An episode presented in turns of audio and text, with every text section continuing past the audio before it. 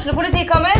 Ine Jansen er purk. Er du purk? The motherfucking bitch. Alt jeg vil, er å finne ut hva som skjedde med mannen min. Jon Carew. Er jeg sikta for noe? Iben Akeli. Det er du. Ole So, Lars Berrum og Big Daddy Karsten. Hvem sin side er du på, egentlig? Anette Hoff, Tone Danielsen, Kommer du fra Afrika? Jørnis Josef, Nesten. Kløfta. Trond Espen Seim, Det er synd å si det, men det var feil mann som døde. Purk. Premiere tirsdag på TV2 Play.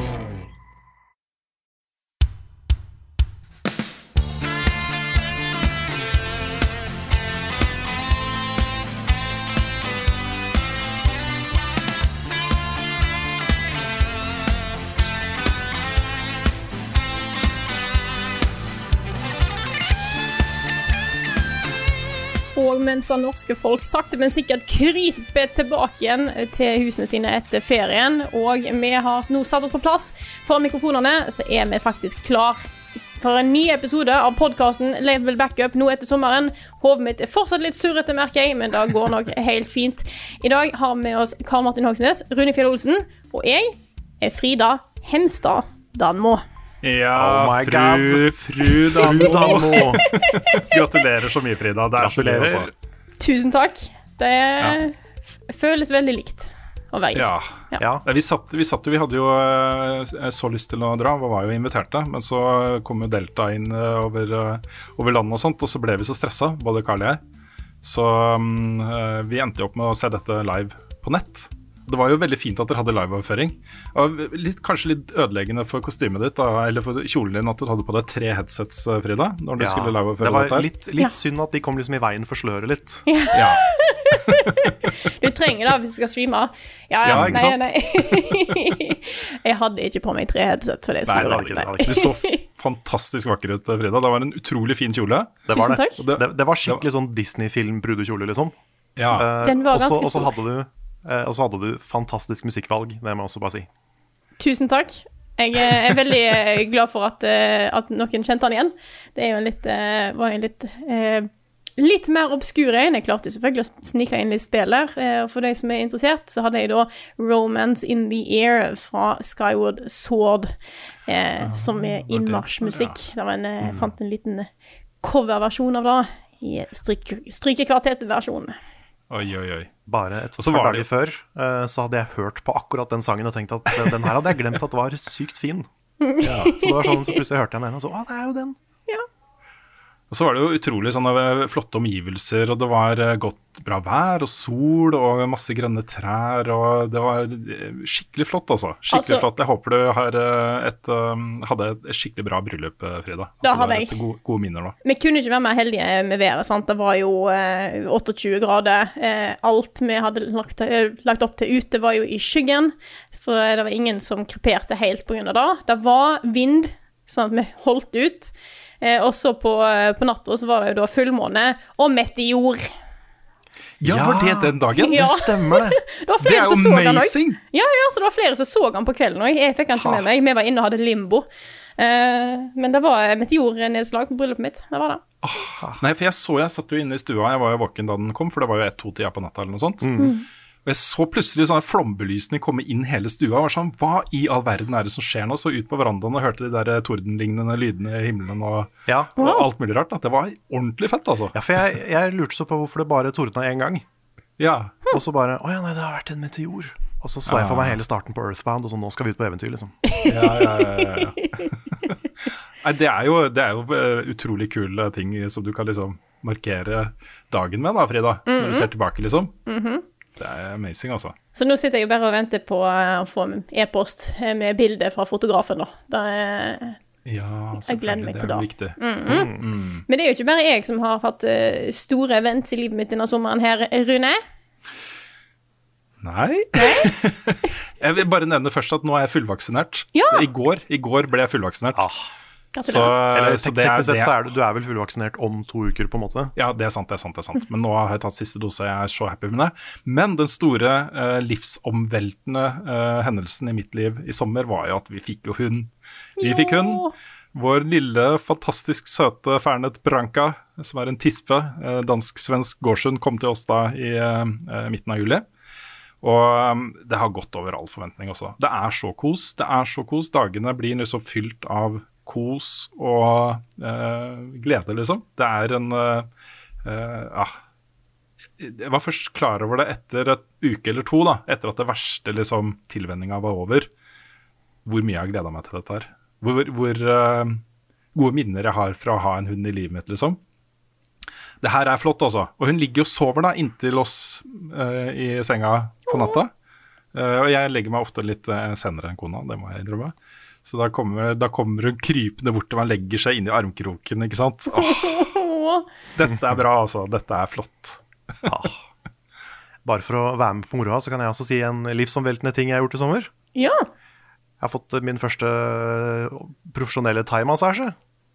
Oi! Så det er, det er ikke helt på nivå med bryllup og hund. men, eh, men jeg hadde ikke gjort det før, så det var gøy. Ja, massasje er, eh, er noe alle bør unne seg, altså av og til. Ja, faktisk. Og det, mm, jeg var der sammen med kjæresten, og hun syntes jo det var litt vondt. Det var sånn, eh, sånn hard thaimassasje, liksom. Ja, det er, det er harde greier, altså. Mm, men det var, jeg syntes det var sykt behagelig. Eh, Jeg var veldig stressa på å prompe. Ja. For, fordi det er liksom klemming og draing av ledd, og liksom ting og tang. Så, Mm. så det er jo ganske sånn skummelt. Det er mye press, liksom. Så du var ikke redd for å få en semi? Nei, jeg var ikke redd var ikke, var ikke. Men så, fort jeg, så fort jeg begynte å tenke på liksom, å tenke om jeg promper, og så begynner du, så begynner du liksom å, å dra med fingeren, da ble det veldig morsomt. så da prøvde jeg ikke å begynne å le av å tenke på Det hadde vært veldig morsomt å fise nå, men jeg skal ikke gjøre det. Jeg kan, hvis folk er uh, hippe på massasje og sånt, jeg kan også anbefale japansk massasje. Det som er fint på den, er at du får på deg en sånn heldekkende uh, robe-lignende uh, greie. da, Så du blir massert med fullt klær på hele kroppen, liksom. Sånn tynn pyjamas-lignende. Jeg husker ikke hva de kaller det. Men uh, det var litt sånn behagelig for meg. Jeg, jeg liker ikke helt tanken om å ligge liksom halvnaken på en benk uh, og bli knadd på av fremmede. Så jeg anbefaler det, altså. Kan, kan jeg komme med en ting til som jeg har gjort? Hvis du var ferdig, Karl? Jeg var ferdig. Ja. For jeg har jo vært på Under i Lindesnes. Ja, Ja, det har du! Du For bilde. pokker! Ja, og da er jo fader meg kuleste opplevelsen, eh, matopplevelsen jeg har vært med på i mitt liv. Eh, fordi at det, du er jo på en restaurant som er fem og en halv meter under sjøen. Ah, det er så amazing. Og eh, dette er jo en eh, Michelin eh, enstjernes restaurant. Og du får jo Du får ikke Du bestiller ikke fra en meny. Du får det som blir servert den dagen. Og vi fikk 16 retter. Oi, oi, oi, oi, oi, oi, oi. For dette er jo sånne, dette er jo bare mer sånn små, mange små matopplevelser som er lagd for å være perfekt i seg sjøl, sant. Eh, og alt nesten var jo eh, sjømatrelatert, eh, naturlig nok. Bare for å liksom forklare litt hvordan dette her funker, så har jeg lyst til å fortelle om den første retten vi fikk. Det hadde liksom satt, satt eh, baseline for resten av, eh, resten av opplevelsen. Vi fikk ei skål med sand som hadde litt vann på seg, sånn at det skulle se ut som liksom eh, sandbunnen. Mm. Så var det en stein oppå, og oppå den så lå det et albueskjell. Og dette er jo sånn Ja, okay. Nei, det er sånn trekantforma skjell som er vanlig å finne mm. langs hele kysten, overalt. Eh, og jeg tenkte OK, jeg er forberedt, jeg skal spise skjell. Jeg visste at jeg kom til å spise litt sånn funky ting mens vi var der nede. Eh, så det er sikkert noe på innsida av skjellet, tenkte jeg da. Og så sier de ja, dette er et albueskjell. Men det er lagd av grønnsaker og tare, eh, så det var liksom enten stekt eller et eller annet, og forma som et sånt skjell, og så malt for at det skulle se ut som et sånt skjell. Og på innsida så var det da en krem som var lagd av faktisk albueskjell. Oi, Så det var sånn, oi, oi. spis hele greia i en jafs. Og jeg bare sånn, OK, fy fader, dette her eh, This is gonna be a journey. Og så var det så jæklig godt. Å, fy fader. Jeg har spist så mye gøy og så mye godt. Og så satt vi jo fikk, Vi var så heldige at vi fikk sitte helt framme med, med glasset. For de har jo masse bord lenger og lenger bak i lokalet. Så jeg satt jo og så på lyr og sei fo- eh, forbi, og så litt på en torsk som var nede i, eh, nede i taren der og greier, liksom rett ved beina mine. Var du en sånn, Siden du kan så mye om fisk, og sånt, var du en sånn som liksom pekte på fisken og fortalte alle de andre gjestene hva eh, Se der! Der, der er den! Ikke sant? Um, jeg, fortalte Petter veldig mye. Ja, ok, greit. Og så var det noe nabobordet kom jeg litt i prat med, og da hadde jeg nettopp fortalt Petter om at det er en, det er en fisk som lever i taren, ofte nærme brygge og sånt. Den skifter kjønn i løpet av, av, av av måte alderen sin, og da skifter han farge fra blå til rød. Og noen ganger så kan du se en fisk som er på en måte både blå og rød. Og så mens vi snakka med deg, og at jeg liksom har vokst opp i taren og kjenner igjen en del ting, så så jeg plutselig en sånn en.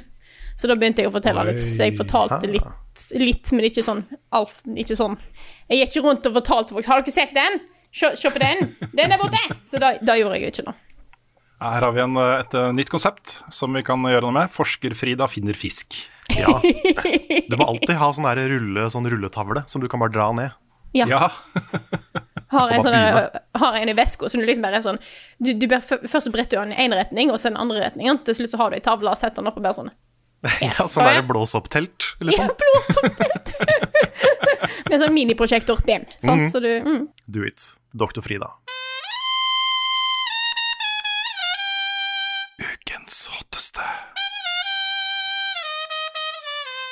Ukens hotteste denne uka her er jo noe som har vært hot i ganske mange uker. Eh, og vi har sett at det er mange som har eh, lyst til å høre og snakke om det. Eh, dette er jo selvfølgelig casen rundt Activision Blizzard som dukka opp for noen uker siden.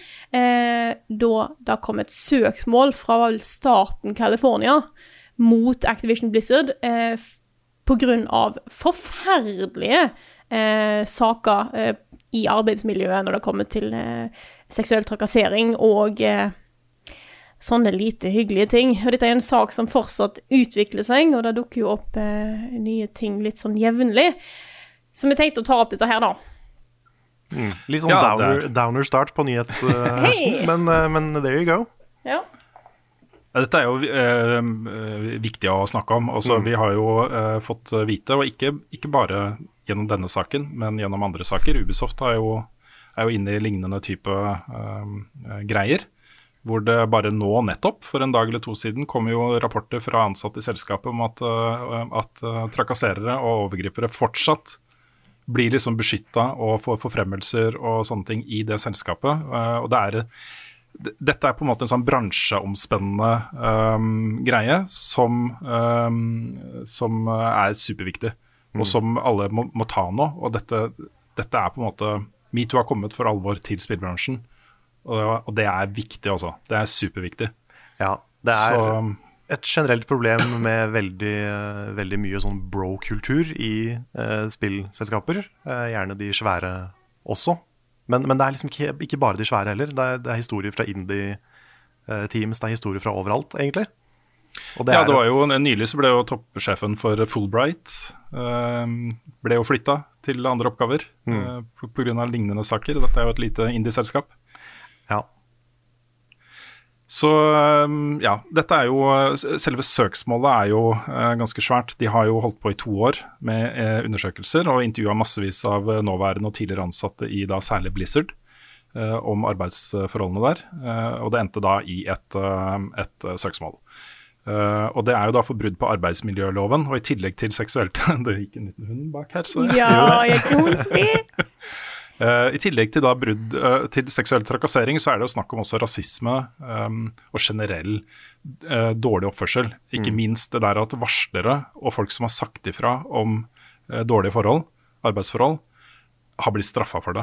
Ved å da ikke få forfremmelser, kanskje til og med bli fryst ut og i, i siste instans da uh, erstatta av andre.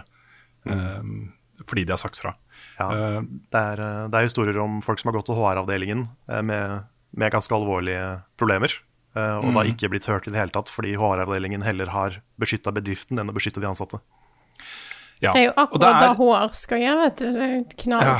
Ja, perfekt. Ja, En av de store tingene som, som det snakkes om rundt den saken, her er jo eh, hun som da er compliance, chief compliance officer i selskapet. Dette er jo en, en, en stilling som er ment å um, uh, si, gå gjennom saker som kan ha med liksom OK, uh, fornærmer vi noen stater her nå med dette spillet og det innholdet dette spillet? Er det, er det på en måte et eller annet politisk vi bør tenke på med innholdet i spillene våre? Men hun er også leder for en kvinnegruppe i Activision Blizzard som, uh, som på en måte skal eh, støtte kvinner da, i selskapet. Eh, Frances Townsend hun var tidligere ansatt i Bush-administrasjonen. Var en av de da som gikk ut og eh, forsvarte bruk av waterboarding og tortur Ja. av fanger. Å, fy. Um, midt mens dette foregikk, så eh, tweeta hun da en link til en artikkel som handla om liksom problemet med whistleblowers. Å, fy, at det går an. Og når ansatte i selskapet, ansatte i hennes eget selskap, eh, ga henne beskjed på Twitter om at dette er ikke greit, så blokkerte hun dem. Og nå, er liksom, nå har hun sletta Twitter-kontoen sin.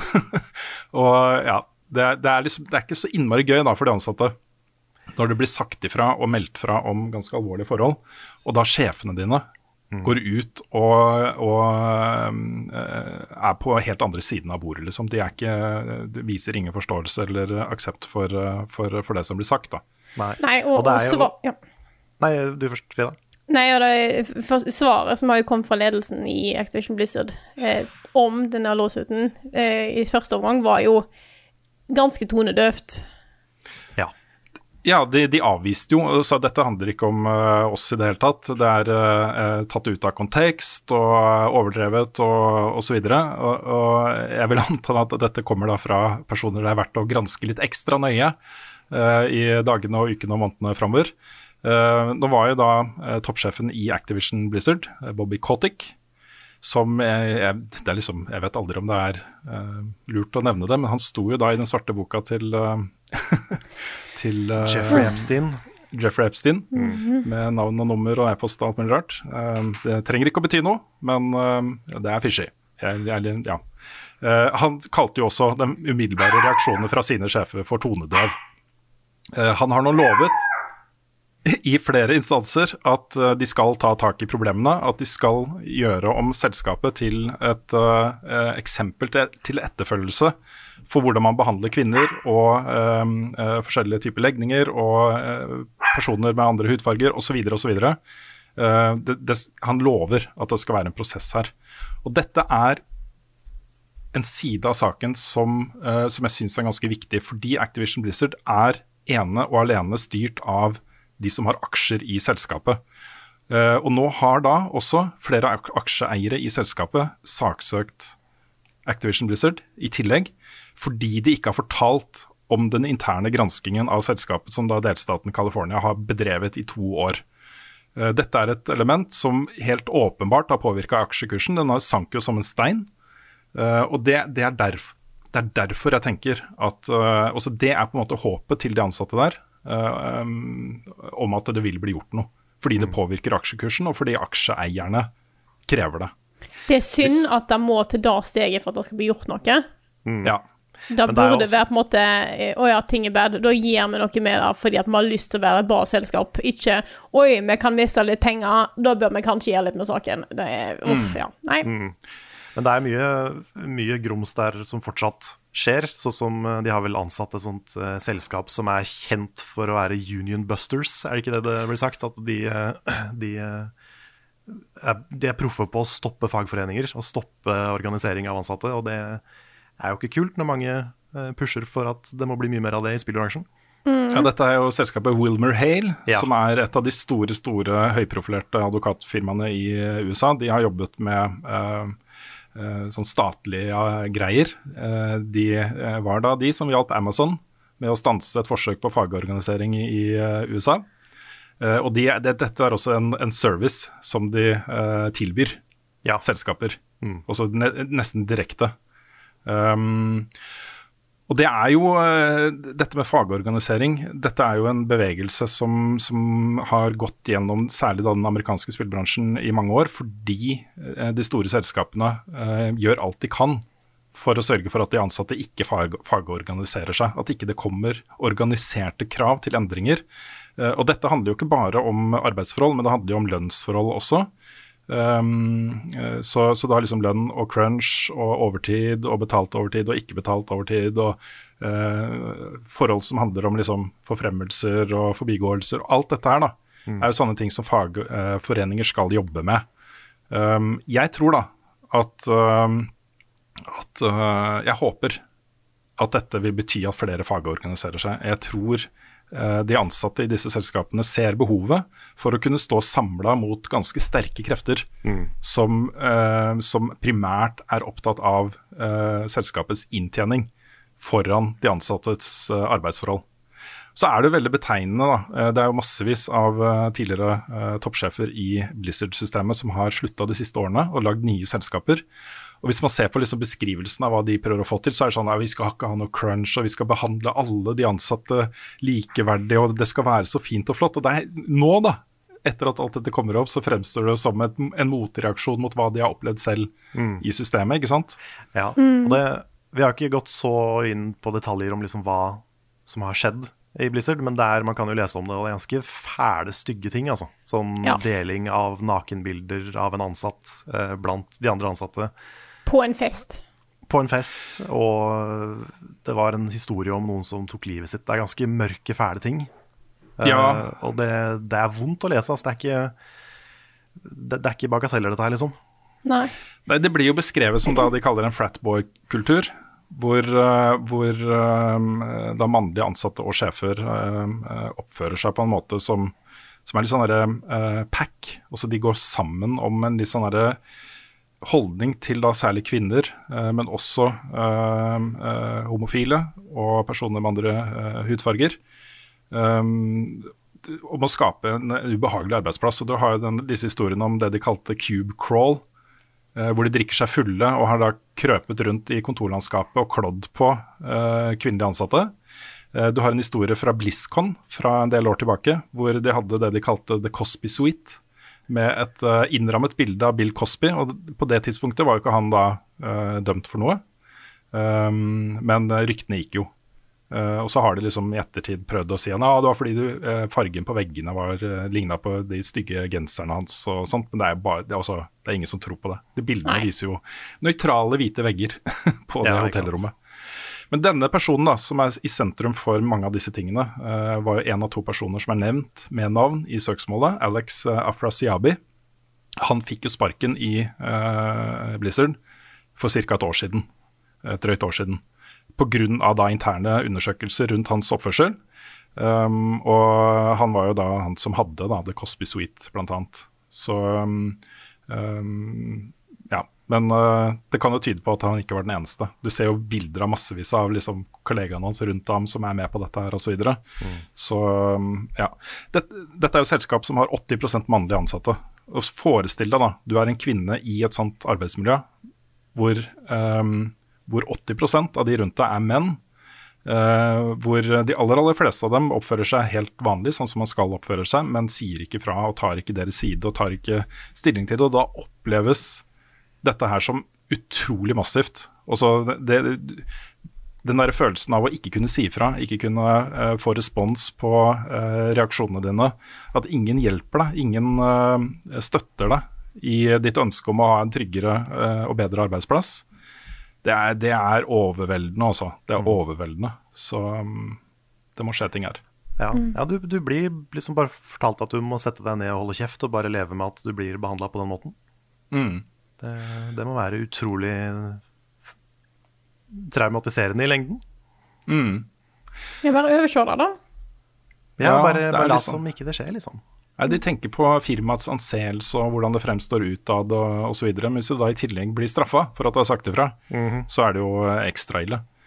Um, nå er det jo også uh, sånn at uh, den andre personen som er nevnt ved navn i dette søksmålet fra California, uh, J. Allen Brack, toppsjef i Blizzard-delen av Activision Blizzard, eh, nå har forlatt selskapet for å eh, utforske andre muligheter, som man sier det. da. Eh, Det er da installert to nye uh, toppsjefer i selskapet, Jen O'Neill uh, og Mike uh, Ibarra. Eller Ybarra, jeg vet ikke hvordan du uttaler etternavnet hans. Um, så, så det er jo på en måte en ting de konkret har gjort. Men nå skal det gjøres massevis av eh, interne undersøkelser her, og det må komme noe konkret ut av det. Um, jeg har også bare lyst til å nevne um, at uh, jeg har lest masse testimonials da, fra uh, nåværende og tidligere ansatte i Blizzard, uh, som beskriver en arbeidsplass som er på en måte dels grusom, men også dels fantastisk. Hvor de fleste av de kollegene de jobber med, er bra folk. Hvor de har lært masse og skapt vennskap og kjærlighetsforhold og alt mulig rart. Da, alt som man gjør på store arbeidsplasser. Um, så, så mange sier jo det. At det er ikke, det er ikke eh, helt svart, liksom. Det er ikke sånn at de går på jobb hver dag og alt er bare dritt. Men de hendelsene som skjer er store nok og alvorlige nok til at det påvirker deres helhetsopplevelse av uh, da Activision Blizzard som en arbeidsplass. Så um, ja. Ja. Vi får se, da. Det er, litt, det er litt trist å se Blizzard i dette her. Altså, jeg, jeg, Blizzard har jo da i flere tiår vært kjent som eh, et av de beste spillselskapene i verden. Eh, de har utrolig dedikerte fans. Folk som har vokst opp med liksom Diablo og Warcraft og World of Warcraft og eh, alle de svære tingene de har lagd. De har vært kjent for kvalitet, at ting de lager er veldig polerte og velfungerende når det kommer ut. At man på en måte alltid kan stole på Blizzard. Og nå er det ikke sånn lenger. Også holdningen, eh, imaget til hele Blizzard er endra de siste årene. Og det er ikke bare pga. søksmålet, men pga. andre eh, litt sånn tonedøve ting med mobilvarianter av Diablo eh, osv. Eh, lanseringen av Warcraft eh, 3 Reforged, som ikke var det de lovte. Eh, manglende oppfølging av World of Warcraft osv. Det skjer så store ting med det selskapet som på en måte har vært sånn sidestilt med Nintendo i anseelse i spillenes verden. ikke sant? Og jeg syns det er litt trist å se, altså. Men det, det er jo bra Det er det. at du her nå ser at uh, de ansatte òg ikke vil ha det sånn med at de, de hadde jo en walkout uh, streikaktig ting. Uh, I forkant så var det jo folk som gikk ut og sa at nå blir det Det er ingen som jobber akkurat nå, fordi at ting påvirker de sånn på jobb. Med, med alt dette her som kommer fram, og hos, spesielt hvordan sjefene har oppført seg eh, rundt det. Så det er helt klart at, at de ansatte tar litt grep, og jeg håper jo òg at det faktisk betyr at ledelsen skjønner at noe må gjøres. Det er, det er noe med Jeg lurer så på hvor mye vi ikke vet om, sånn fra andre steder. Fordi Blizzard, det som har kommet ut om Blizzard, det er liksom noe av de verste tinga som har kommet ut fra av den type kultur i, i store spillselskaper. Men jeg lurer på hvor vanlig det er, og hvor mange sånne historier som fins. Jeg har liksom sett folk som har sagt at de nå hopper de over til Final Fantasy 14 istedenfor World of Warcraft. Uh, og så har noen da kommentert under at ja, men her er det også jævlig å jobbe, liksom. Så jeg lurer på hvor utbredt dette her er, og hvor liksom innsyra i spillbransjen det er, da. Og det er ganske ekkelt. Det er ganske ubehagelig å liksom, tenke på at det er så store, omfattende problemer i, i den bransjen her. Og jeg, og veldig mange, drømmer jo om å jobbe med spill. Og spesielt å jobbe med spill i Square Enix eller i Blizzard eller i Ubisoft eller whatever. Jeg også gjorde det i mange år. Uh, Den drømmen har dødd totalt etter at jeg har hørt om liksom crunch og drittkultur og alt det som har kommet fram uh, de siste mange, mange åra. Det er trist, ass. Ja, det er kjempetrist. En annen ting som har skjedd i Blizzard-systemet, er jo eh, for et, jeg tror det er et par år siden så begynte jo de ansatte å dele seg imellom, og etter hvert litt sånn offentlig, et uh, Excel-ark hvor folk kunne legge inn uh, stillingsbeskrivelsen sin og hvilken lønn de hadde. Uh, og Det som kom fram der, var jo at lønnsforholdene i Blizzard det er både store, uh, altfor store forskjeller internt på like stillinger, men også veldig lang avstand til lønningene i konkurrerende selskaper. Så dette er på en måte en så, så omfattende sak nå, hvor det både handler om arbeidsforhold og crunch og lønn og disse tingene, men også da eh, disse trakasseringssakene og forskjellsbehandling og straffing av varslere og alt dette her. Så jeg, jeg syns det er massivt nok nå, og stort nok, til at, eh, at eh, jeg tror det kommer til å bli gjort noe med det. Eh, Men jeg ser jo også at eh, det er en del selskaper rundt omkring som er bekymra nå. Det var noen som delte, en tidligere ansatt i EA, som delte et, eh, en e-post hun har fått fra da noen som jobber med å kontakte noen nåværende og tidligere ansatte i EA som har varsla om ting, for å liksom høre, dere, høre deres historie på nytt. da. Um, det er jeg, jeg tror det, det virker som om EA eh, sitter og er litt bekymra nå, og prøver å komme litt i forkant eh, dersom det kommer lignende type anklagelser mot sjefer der, da, og arbeidsplasser. Så um, det er nok ganske omfattende der, og jeg er helt enig med deg, Karl. Jeg tror det finnes utrolig mye historier der som vi ennå ikke har hørt. Eh, og de må, de må nå fram også. Og Jeg håper at, uh, at de ansatte i disse selskapene føler at nå er tiden inne. Nå kan vi si ifra, de blir trodd, uh, og de får støtte fra både kollegaer og omverdenen på, på at arbeidsforholdene ikke er sånn som de skal være. Og så må vi tenke litt på hvordan vi dekker eh, spill framover. Det er jo ikke, vi har jo en rolle i dette her, vi også, på en måte. Hvordan skal vi snakke om eh, Blizzard spillnyheter? Hvordan skal vi snakke om Ubisoft? Det er noe vi, vi må tenke på og vurdere.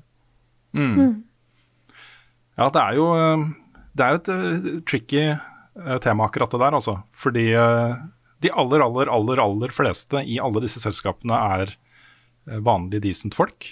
Som eh, bruker hele sin arbeidstid på å lage eh, spill og innhold som de ønsker eh, folk skal forbruke og leve seg inn i.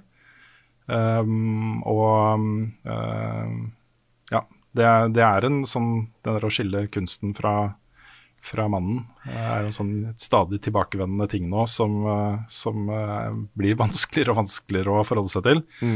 Det er, det er sant. Samtidig så tenker jeg at det er jo de ansatte ofte som lider også. Det er jo sjefene som ikke gjør noe, og det er de som tjener mest penger også. Nei, det er, dette er nok ikke det siste vi snakker om. Vi har snakka masse om dette før også. Eh, vi kommer nok tilbake til det. Jeg, jeg tenker at i hvert fall når det gjelder Activision Blizzard og dette søksmålet og det som ruller og går nå, jeg syns ikke de skal få lov til å komme med sånn her Hei, her er en ny fet trailer for Overwatch 2-type nyhetssaker, uten at man nevner eh, disse tingene. da. Helt enig. Det, det skal de ikke få slippe unna med, tenker jeg, da. Nei, det burde, burde, burde absolutt trekkes fram.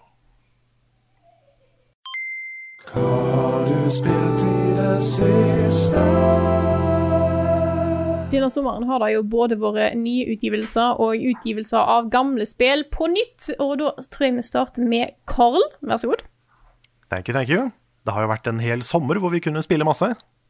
Så jeg har jo spilt ganske masse. Jeg har, jeg har spilt eh, hele Skyward Sword HD. eh, Så å si 100 av det. Såpass. Ja, jeg spilte ganske mye.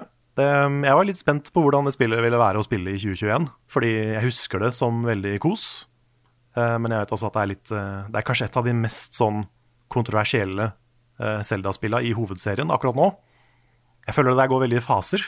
Det er sånn periode så hata alle Windwaker, og så ble det høyt elska igjen. Og så var det en sånn periode hvor folk var litt down på Twilight Princess. Men nå liker folk det igjen, og så skjedde det med Skyward Sword. Men nå føler jeg liksom Skyward Sword også har fått en liten sånn, et litt sånn løft. eh, Hvor folk ja, ja, det er kanskje mye bra her òg. Det er jo er knallbra. Ja, det er det. Jeg syns det er kjempebra. Ja. Og det er jo mye da av de, de motion controlsa som var på, på Wii, som funka for noen og ikke for andre. Eh, jeg spilte Skyward Sword HD med motion controls, fordi det, føler, det, er, det er Skyward Sword for meg. Det er vanskelig å skille de to for meg. Eh, jeg syns det funka. Det var litt mye sånn kalibrering av eh, hva som er rett fram på skjermen og sånn. Så jeg måtte resette den ganske ofte, men det var bare å trykke på liksom en knapp. Så, så var det i orden.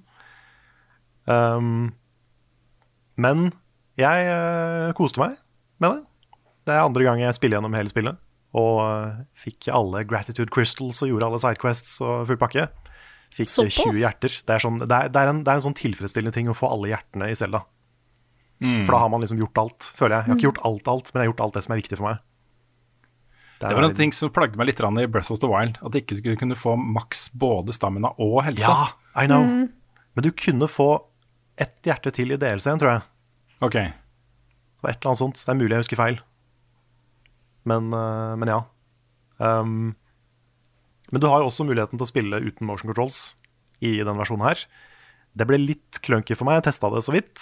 Uh, men da må du liksom holde inne L for å kunne styre kamera. Og du kunne jo ikke styre kamera i det hele tatt i den gamle versjonen. Ja. Så det var litt sånn rart. Men dette er jo først og fremst en port av Wii-spillet. Det er ikke noe sånn skikkelig heavy remaster. Det er i HD, men det er ikke noe oppdaterte teksturer eller noe sånne ting.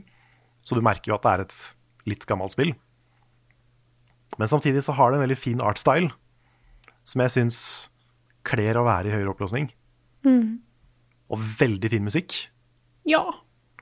Det er eh, kanskje et av de beste Zelda-soundtracksa i noe, i noe spill i serien. Men det er jo Er ikke det det første som hadde orkestrert soundtrack? Jo, jeg tror også det er det eneste, hvis ikke Breath of the Wild også hadde det. Breath of the Wild har veldig mye orkestrert. det, det er jeg ganske sikker på. Ja, ja. Ja, det hadde, ja, det hadde kanskje. veldig mye piano, og resten er orkestrert. Så Ja, ja. ja. det er sant det. det er sant det. Så er det de to som har. Um, Men- men- Men jeg, jeg har jo testa det litt, jeg òg. Jeg har ikke kommet spesielt eh, langt. Jeg har eh, akkurat havna ned på jorda. Eh, Men jeg syns det funker veldig bra med de kontrollerne. Altså. Det er jo, selvfølgelig må du resette, men det er jo fordi at du har ikke den sensorbaren som viser hvor fram er, som du hadde på Wii. Uh, du bare har gyroen, sant. Men jeg, jeg syns egentlig det funker helt fint, jeg. Men jeg, jeg var veldig glad i det motion controls òg, det. Jeg er veldig glad i Wien. Ja, jeg også likte de da de kom. Jeg husker at jeg sleit litt med de noen ganger. At det, hendte at den um, Du hadde sånn WeMotion pluss, du kunne ikke ha vanlig WeMote. Du måtte ha en sånn ekstra kloss under for at eh, ting skulle funke.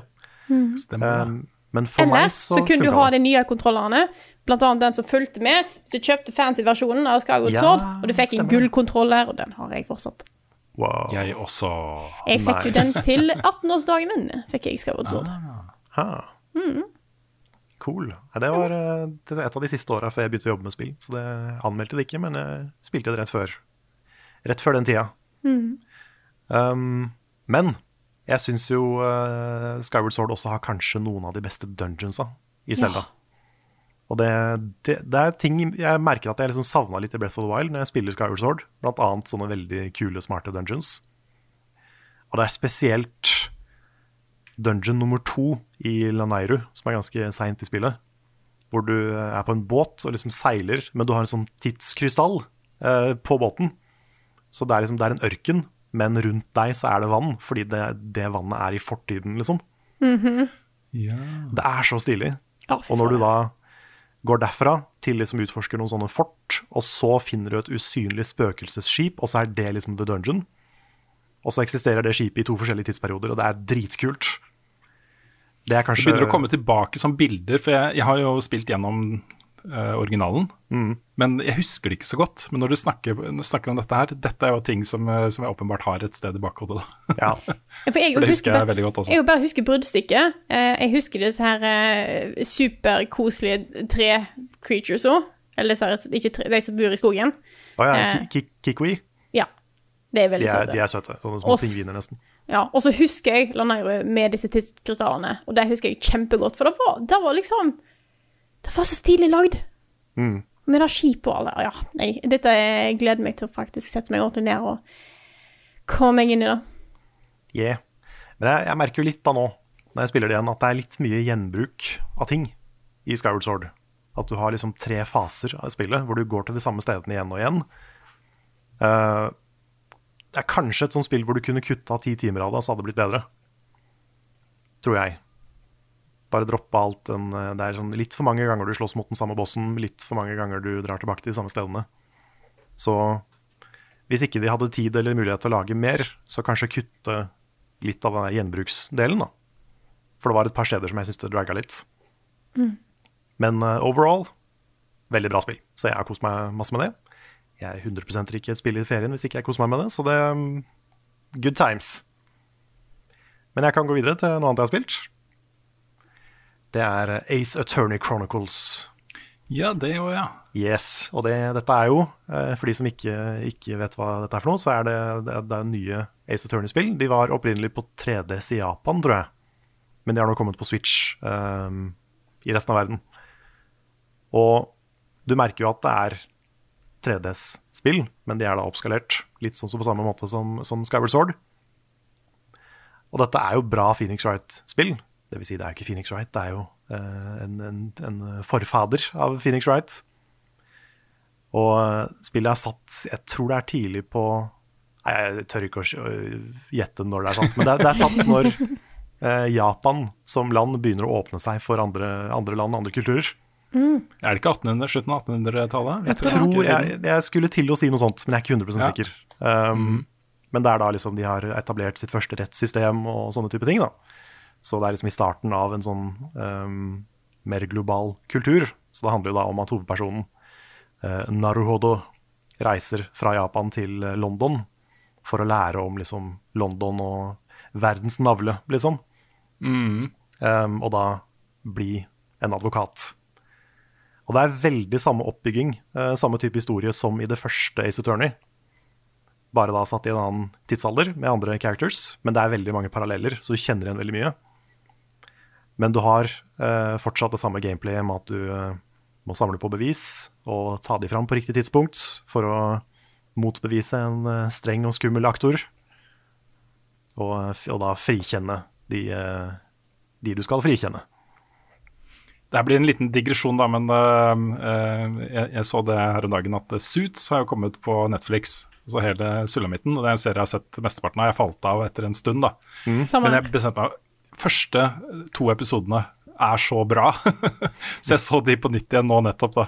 Eh, og det er litt den, litt den der advokatgreia også, at man etterforsker ting og, og, og sånt. Det er noe et eller annet med det som er ganske kult, altså. Det er det. Det er en sånn Jeg syns det er en egen appell i liksom det å argumentere i spill. På en måte Å, å få liksom gjennombrudd og der Nå klarer jeg å cornere han der drittsekken der, for nå sa han noe som jeg veit at ikke er sant, og jeg kan bevise det, god damn it. Så, så det er kult. Eh, det er også en annen del da, som er litt mer ny. I hvert fall for meg. Jeg har ikke spilt alle Ace Attorney-spillene, men jeg har spilt eh, noen av de. Hvor du teamer opp med en Ace Detective som heter Herlock Sholmes. Ja. Ja. Mm. Og han er en idiot, men han er en veldig morsom idiot. Eh, fordi han, han er dum, men han er veldig flink til å resonnere seg fram til ting. Og da har du en sånn eh, fram og tilbake-greie, hvor de liksom sånn veldig sånn dramatisk anime-dans fram og tilbake, hvor liksom han påstår noe, og så må du inn og bare course-correcte det han påstår. For han har noen poenger, men han er helt på jordet. Så du må liksom OK, du, du hadde den observasjonen, det var bra, men du tok det i helt feil retning, så hva hvis vi tar det i den retningen her isteden? Og så OK, det var smart, og så tilbake til Herlock Sholmes. og så OK, men du har hår under parykken, hvorfor har du det? Og så er det kanskje fordi du har en hund under Altså, det er sånn Han er veldig, veldig, veldig dum, men han legger merke til ting, og så må du fikse det han legger merke til, på en måte. Ah, det er herlig. Det er veldig kult. Det er en, veldig, sånn- det er en morsom del av spillet. Og det er ikke alle kapitlene i spillet som har uh, trials lenger, da. Det er noen som bare er sånn detektivarbeid med, med Sholmes. Så det er kult. Så jeg, er, jeg har ikke kommet kjempelangt ennå, men eh, jeg er på kapittel, litt ute i kapittel tre. Så det begynner å, begynner å ta seg opp. Det er veldig kjent hvis man har spilt mye Phoenix Wright før, men, eh, men det er gøy. Det er noe sånn litt sånn inherently gøy med, med det der. Nå har jeg prata lenge, men jeg, jeg har ett spill til Ja. som jeg har lyst til å ta opp, og det er uh, The Pokemoba, Pokémon Unite, Ja. ja. som eh, Jeg vet ikke om det har eksplodert, men det har i hvert fall blitt litt populært. Jeg ser det Jeg ser liksom folk er opp. ganske fornøyde. Ja, Ja. ja for jeg, jeg vet ikke om jeg vil si at jeg er fornøyd. men det er Sånn kjernen av spillet er ganske morsomt. Det er jo et veldig enkelt Moba. Litt sånn eh, ja, nybegynnervennlig Moba. Hvor det er kortere kamper enn i f.eks. League of Legends og, og de der. Men det er jo samme prinsippet. Hvor du har eh, en bane du skal kontrollere, forskjellige punkter. Du skal eh, få poeng av å uh, bryte deg framover på banen, uh, nedkjempe motstanderne. Så det er jo et 100 et Moba som du spiller online med, med folk. Det som er kjipt med det, er at det er veldig mikrotransaksjonsheavy. På alle måter, liksom. Du har cosmetics, du har eh, både til Pokémon og til figuren din. Du har pay to win mechanics, hvor du kan kjøpe items for ekte penger som du kan bruke i kamper for å få et uh, fortrinn. Og det ødelegger veldig mye for meg. Så det, det er liksom der det kollapser for min del. Mm. Det kunne vært et kult spill, men jeg syns det blir ødelagt av businessmodellen. Hm. Dessverre. Men jeg har jo spilt det en del. Eh, Jeg tror jeg er sånn level 8-9 eller noe sånt. Så jeg har jo spilt det litt og kost meg, liksom. Men, eh, men jeg merker at liksom den, der, den forretningsmodellen er for kynisk for meg, og da, da dør liksom litt av gleden. Mm. Så, så det. Så har jeg et spill til, men det tenkte jeg at kanskje Rune skulle få lov å ta over litt. Fordi jeg har så vidt begynt på Death's Door. ja. Vi kan uh, ta det. Skulle du innom dine ting først, eh, Frida? Og så Ja, jeg kan gå gjennom veldig kjapt. Uh, right. det har ikke akkurat vært mye tid til gaming eh, denne sommeren her. Eh, det har ikke vært så mye tid til avslapping generelt, nesten. Eh, men når jeg først skulle begynne å slappe av litt av nå etter, etter alt dette her, så tenkte jeg OK, ta det rolig. Stadig veldig. ja. Så jeg har, eh, jeg har lenge hatt litt lyst til å, å ta det opp igjen, fordi at det er bare superkos. Og det er superkos nå òg, selv om jeg har spilt igjen det på nytt. Så nå er jeg midt i, eh, midt i sommeren. Eh, Jeg driver og gror meloner og tomater og blåbær. Så jeg har det bare helt knall. Eh, Seduser akkurat samme fyren som sist, kjører akkurat samme løp som sist. Jeg trenger ikke noe variasjon. Eh, har det så fint. Har et eller annet på på TV-en i bakgrunnen. Sitter bare og spiller og koser meg. Det er det jeg gjør nå. Og det har jeg tenkt å gjøre de neste dagene òg. Og bare gjør det. For jeg har fortsatt ferie. Jeg har ferie ut neste uke. Jeg har ikke tenkt å gjøre en dritt. Og det er så fint. Å, det er så fint. Så da right. Yes. Så da var meg. Ja, det er jo litt det, ja, det jo litt det som har prega min sommer også, da. Også jeg har liksom brukt mest tid på ting jeg bare Å, dette har jeg lyst til å spille nå. Så jeg kommer tilbake til det til slutt. Men jeg kan jo starte da med Death's Door. Eh, For det har jo kommet en del eh, veldig stilige, kule indiespill i sommer. Og jeg har spilt nesten alle. så, eh, så Death's Door er jo en av de. Um, er, jeg har lyst til å nevne at, at eh, art directoren på det spillet er jo norsk. Han heter Fritz Olsen. Norge! Har, eh, Norge! Ja, ja. Han var jo eh, art director på Earthlock også. Å ja, ok. Samme fyren. Så, samme fyren. Uh, og dette er jo en uh, det, Da det først ble vist fram, så trodde folk det var en rogelike. at det var eh, litt sånn derre procedurally generated dungeons og sånne ting. Men det er det ikke. Det er mer sånn Zelda-lignende progresjon der, hvor alle rom og områder er faste. Alle items ligger på samme sted hver gang osv. Uh, men det er mye inspirasjon. Altså det, er, det er en slags sånn light-versjon av Dark Souls, dette her. Hvor du har veldig begrensa med liv. Uh, hvor du kan få litt liv tilbake ved å plante sånne frø i potter rundt omkring. Uh, men du har liksom veldig begrensa med liv, og du har uh, eh, bosser som er ganske vanskelige å slå. Og hvis du dør, så må du ta liksom hele den seksjonen der på nytt. da. Eh, men underveis da så låser du opp snarveier, ikke sant? akkurat som i Dark Souls. Du kan åpne tilgang til stiger og nye veier og sånn, som gjør at du kommer raskere til den bossen. ikke sant? Ja, og så er det veldig lite penalty for å dø. Og det Veldig syns jeg var lite. litt, det var litt behagelig. Fordi du, du mister ikke noe Du har jo en currency, sånn som souls og rupees og, og sånn, uh, men den mister du ikke når du dør, i motsetning Nei. til uh, Hollow Knight og souls og alle de der. Så du, du kan liksom bare Det er ikke verdens undergang om du prøver noen ganger, da. Nei, og Du kommer kjapt tilbake til der du var, og du kan bruke liksom currencyen til å oppgradere ting. og Du finner nye items og oppgraderinger osv. Paraplyer som du kan slåss med osv. Um, og det, jeg, jeg syns det spillet her er superkos. Altså. Det er kjempekos. Det er ganske vanskelig. Det er ikke sånn at du kan forvente at du bare valser gjennom og dæljer løs alt som er, liksom. Det er utfordrende. Men det er utfordrende på en veldig sånn behagelig måte. Du føler ikke at du blir satt øh, ovenfor øh, uoverkommelige hindre for progresjon og sånne ting. Um, selv om noen av disse bossene det, ganske tidlig så skal du slåss mot et hus, som jeg måtte bruke et par-tre ganger på å komme gjennom. Å slått det ja. Ja, stemmer. Ja, det brukte jeg et par forsøk på. Ja. Uh, men det er liksom grei progresjon her hele tiden. Og du spiller jo som en kråke.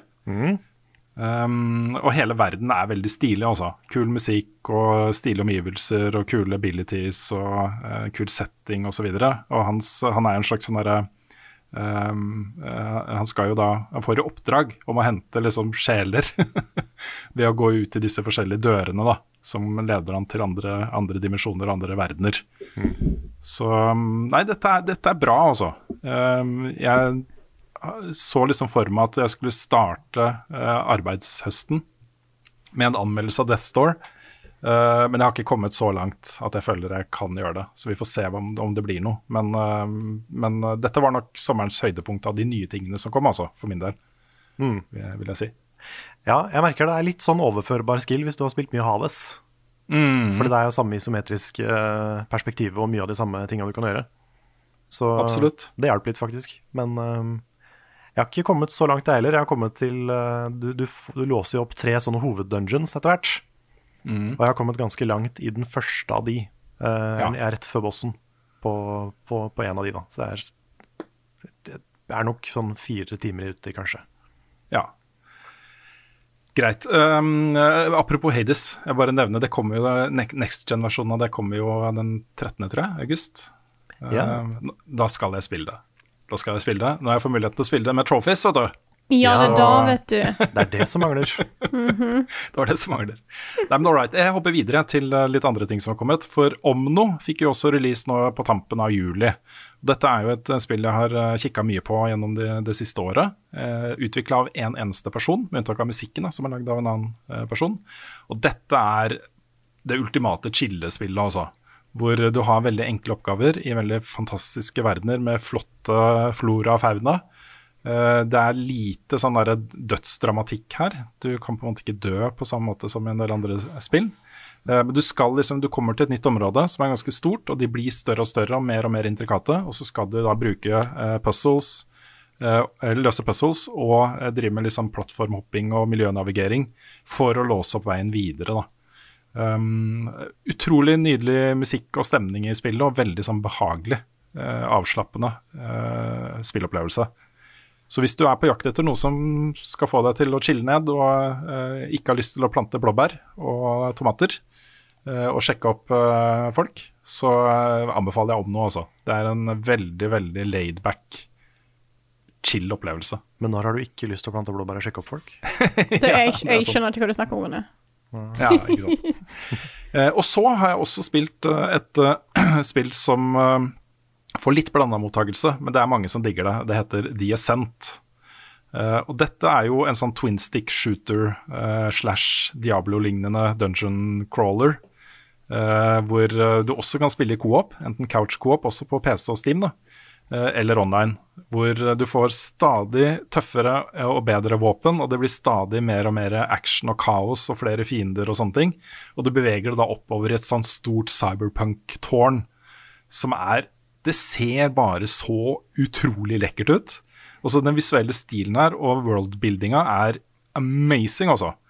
Um, og i tillegg så er det um, altså litt ensformig etter hvert, kanskje, men det er så gøy, altså. Det er skikkelig gøy, og det blir liksom så store eksplosjoner og så fete våpen og så kul armor, eh, så kule karakterer uh, osv. Så, videre. så uh, det blir litt den derre chill-følelsen der også. Mm. I og med at det er mye repetisjon, liksom. Jeg merker at du har, du har en vibe, ass. Sånn derre cyberpunk og space og sånne ting. Det er, mm. det er bare the way into your heart. Å mm. oh, ja, uten tvil. Nei, eh, det spillet liker jeg godt, altså. Jeg vet ikke om, eh, om eh, den gleden varer hele spillet ut. Og Derfor så kan jeg liksom ikke konkludere med noe ennå, for jeg har ikke spilt så mye. Men det har mye bra ved seg. Det har ting, mange ting jeg liker. Og det er store, kule guns. guns. Ja, så, så det, ja. Jeg, jeg, tror det er mange som hadde satt pris på det spillet òg, også. Men det jeg da har brukt mest tid på i sommer, og dette er jo på en måte det jeg liker å gjøre på sommeren når jeg har fri. Det er å gå tilbake til spill jeg har spilt, ofte mye, og så på en måte fullføre de, 100 av de, complete de så godt det lar seg gjøre. da. Så det første spillet jeg trakk fram der, var jo inspirert av din uh, gjennomspilling av uh, Resident Evil Village, Karl. Ja. Og jeg fikk lyst til å spille mer av det. Uh, og da begynte jeg liksom på disse trophyene. Så jeg har jo runda Village mange ganger nå. Uh, en gang bare med kniv. En gang på høyeste vanskelighetsgrad. En gang på under tre timer. Um, noen av disse ble kombinert, da. Um, så jeg har gjort nesten alt jeg kan gjøre der. Og jeg er to trophies unna platinum, og begge de to er i The Mercenaries-moden. Så jeg tror ikke det blir platinum i det spillet, for det var litt mye knot også. Det er, dette er jo en sånn mode hvor du blir plassert da, i området fra spillet, og så har du et fast mønster med fiender. De er på de samme stedene hver gang. Eh, og så får du multiplier hvis det ikke går mer enn ti sekunder eh, mellom hver gang du dreper en fiende. Så poenget for å liksom få den scoren du trenger, da, eh, for å få eh, den ranken du trenger for å få den trophyen, så må du liksom holde den eh, komboen gående lenge. Eh, og da må du være for det første innmari flink til å treffe ting du skyter på. Og for det andre så må du velge riktig våpen uh, og bruke uh, lei da, riktig i shoppen underveis.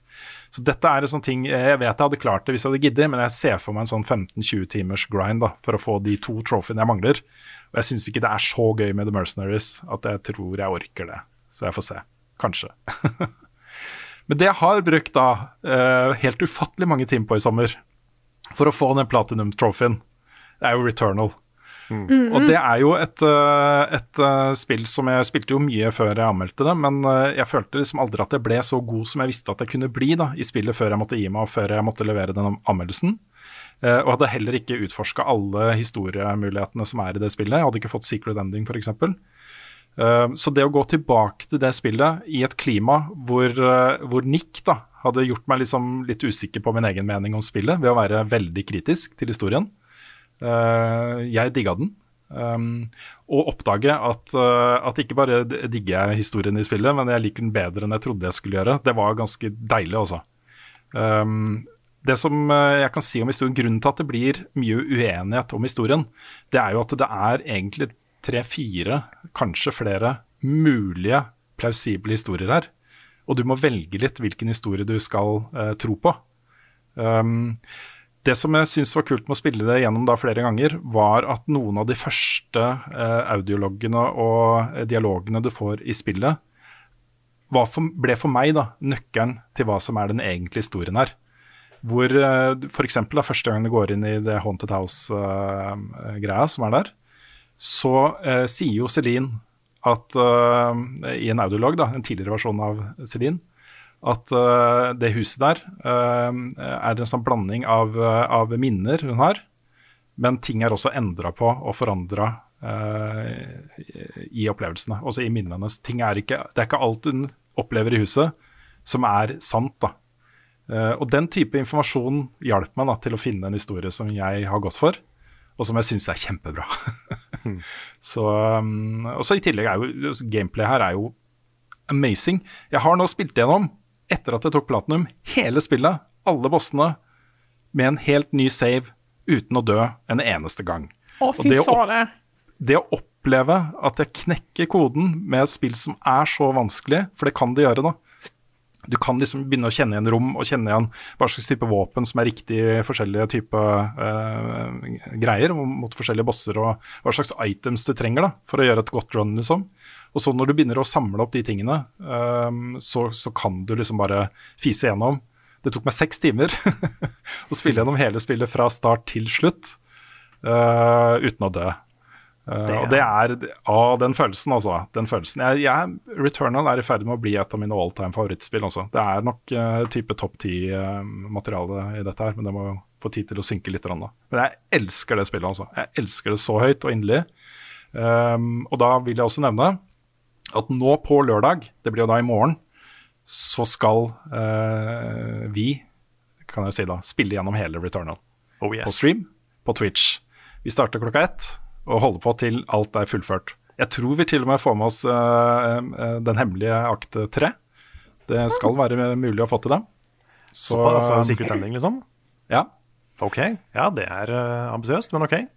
Ja, fordi, fordi um, du må jo finne noen greier i alle de seks forskjellige biomsa, men de mm. ligger på steder, faste steder, og du kan bare løpe til det. Så det å samle de tar kanskje en halvtimes tid. Og så må du ta siste bossen en gang til da, for å få secret ending. Men det også er en sånn timesprosjekt hvis man finner de riktige våpnene og sånt. Så jeg tror vi kommer oss gjennom hele Returnal, uh, og det blir jo da også med Nick. Så vi kommer til å ha mange og tøffe diskusjoner om historieelementer her, tror jeg. Det blir en full spoilertung law-through av Returnal, mm. og det gleder jeg meg så vilt til, altså.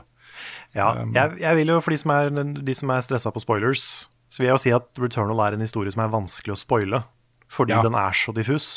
Mm. Og den er så sånn Den har ikke liksom de øyeblikka, de vendingene i historien nødvendigvis. Det er kanskje noen, men historien er så ulineær og så rart fortalt at den kan på en måte Det er litt som å prøve å spoile et Soul-spill. Mm. Så hvis man er liksom redd for at sånne store øyeblikk skal bli ødelagt, så jeg, For meg så er det vanskelig å se for seg at det kan skje i Returnal.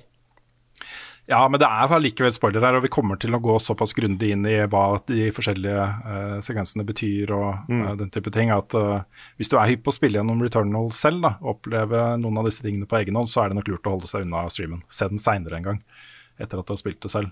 Men, ja, ja, jeg, men jeg, er litt, jeg, er litt, todelt på det. For jeg, jeg, jeg, tror kanskje jeg hadde satt enda mer pris på historien hvis jeg visste mer om den før jeg spilte den. Ja, kanskje det. Så det er litt både òg. Mm. Men da fra 13.00 altså på lørdag, eh, full playthrough av eh, Returnal. Jeg tror det blir jeg som spiller gjennom hele, mens Nick eh, blir sånn law-ansvarlig. Mm. Um, så, så, får vi se. Um, jeg kan også nevne da, at jeg har tatt kontakt med Sony uh, om å få et intervju med Harry Kruger, um, i uh, Housemark, som, uh, som, er ansvarlig for historien. Jeg har så mange spørsmål! jeg har så mange spørsmål. Det, det, så, det, hadde vært så kult å liksom få han til å, å gå i spoilermodus og snakke om liksom, begrunnelsene for valgene som er gjort. Og, uh, jeg, jeg, vil egentlig bare, Fins det en canon-historie her? Er det mm. en av disse historiene som er canon, og som, som de regner som på en måte den egentlige, faktiske historien bak det som skjer? da? Så, um, jeg, har, jeg, har, tenkt på mange ganger den der, eh, den der Victory-lappen som Corey Barlog gjorde etter God of War, hvor han dukka opp Ja. på alle spoilercastene til alle podcastene.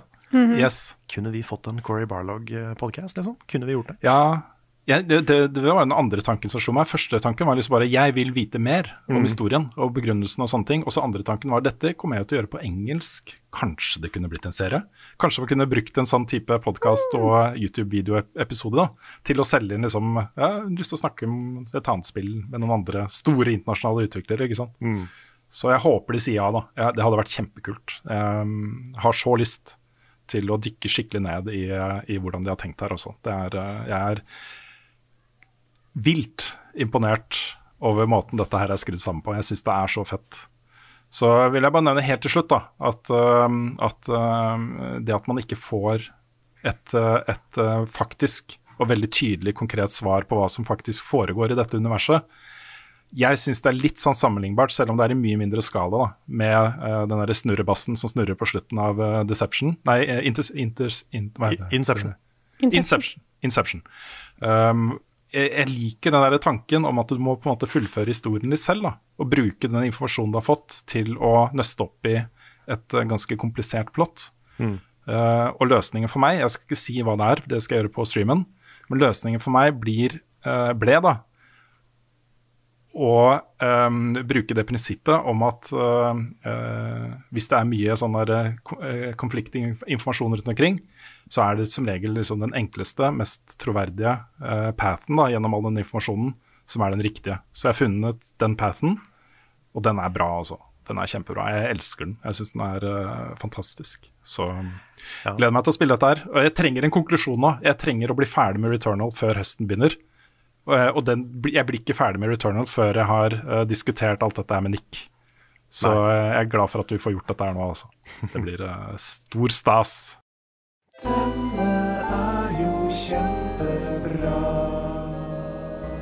Ukens anbefaling. Nå er det jo mange uker siden vi hadde forrige anbefaling, eh, bortsett fra hvis du ikke teller alle de TV-serieanbefalingene vi hadde i løpet av sommeren. Men eh, Carl, hva er det du har eh, tenkt fram til oss i dag? Jeg har tenkt å anbefale en TV-serie. Hei! Og det er en eh, sitcom som går på Apple pluss. Og det er, ikke så, det er jo enda en eh, strømmetjeneste. Jeg vet at det er litt upraktiske folk, men uh, Er det, er det fotballserien? nei.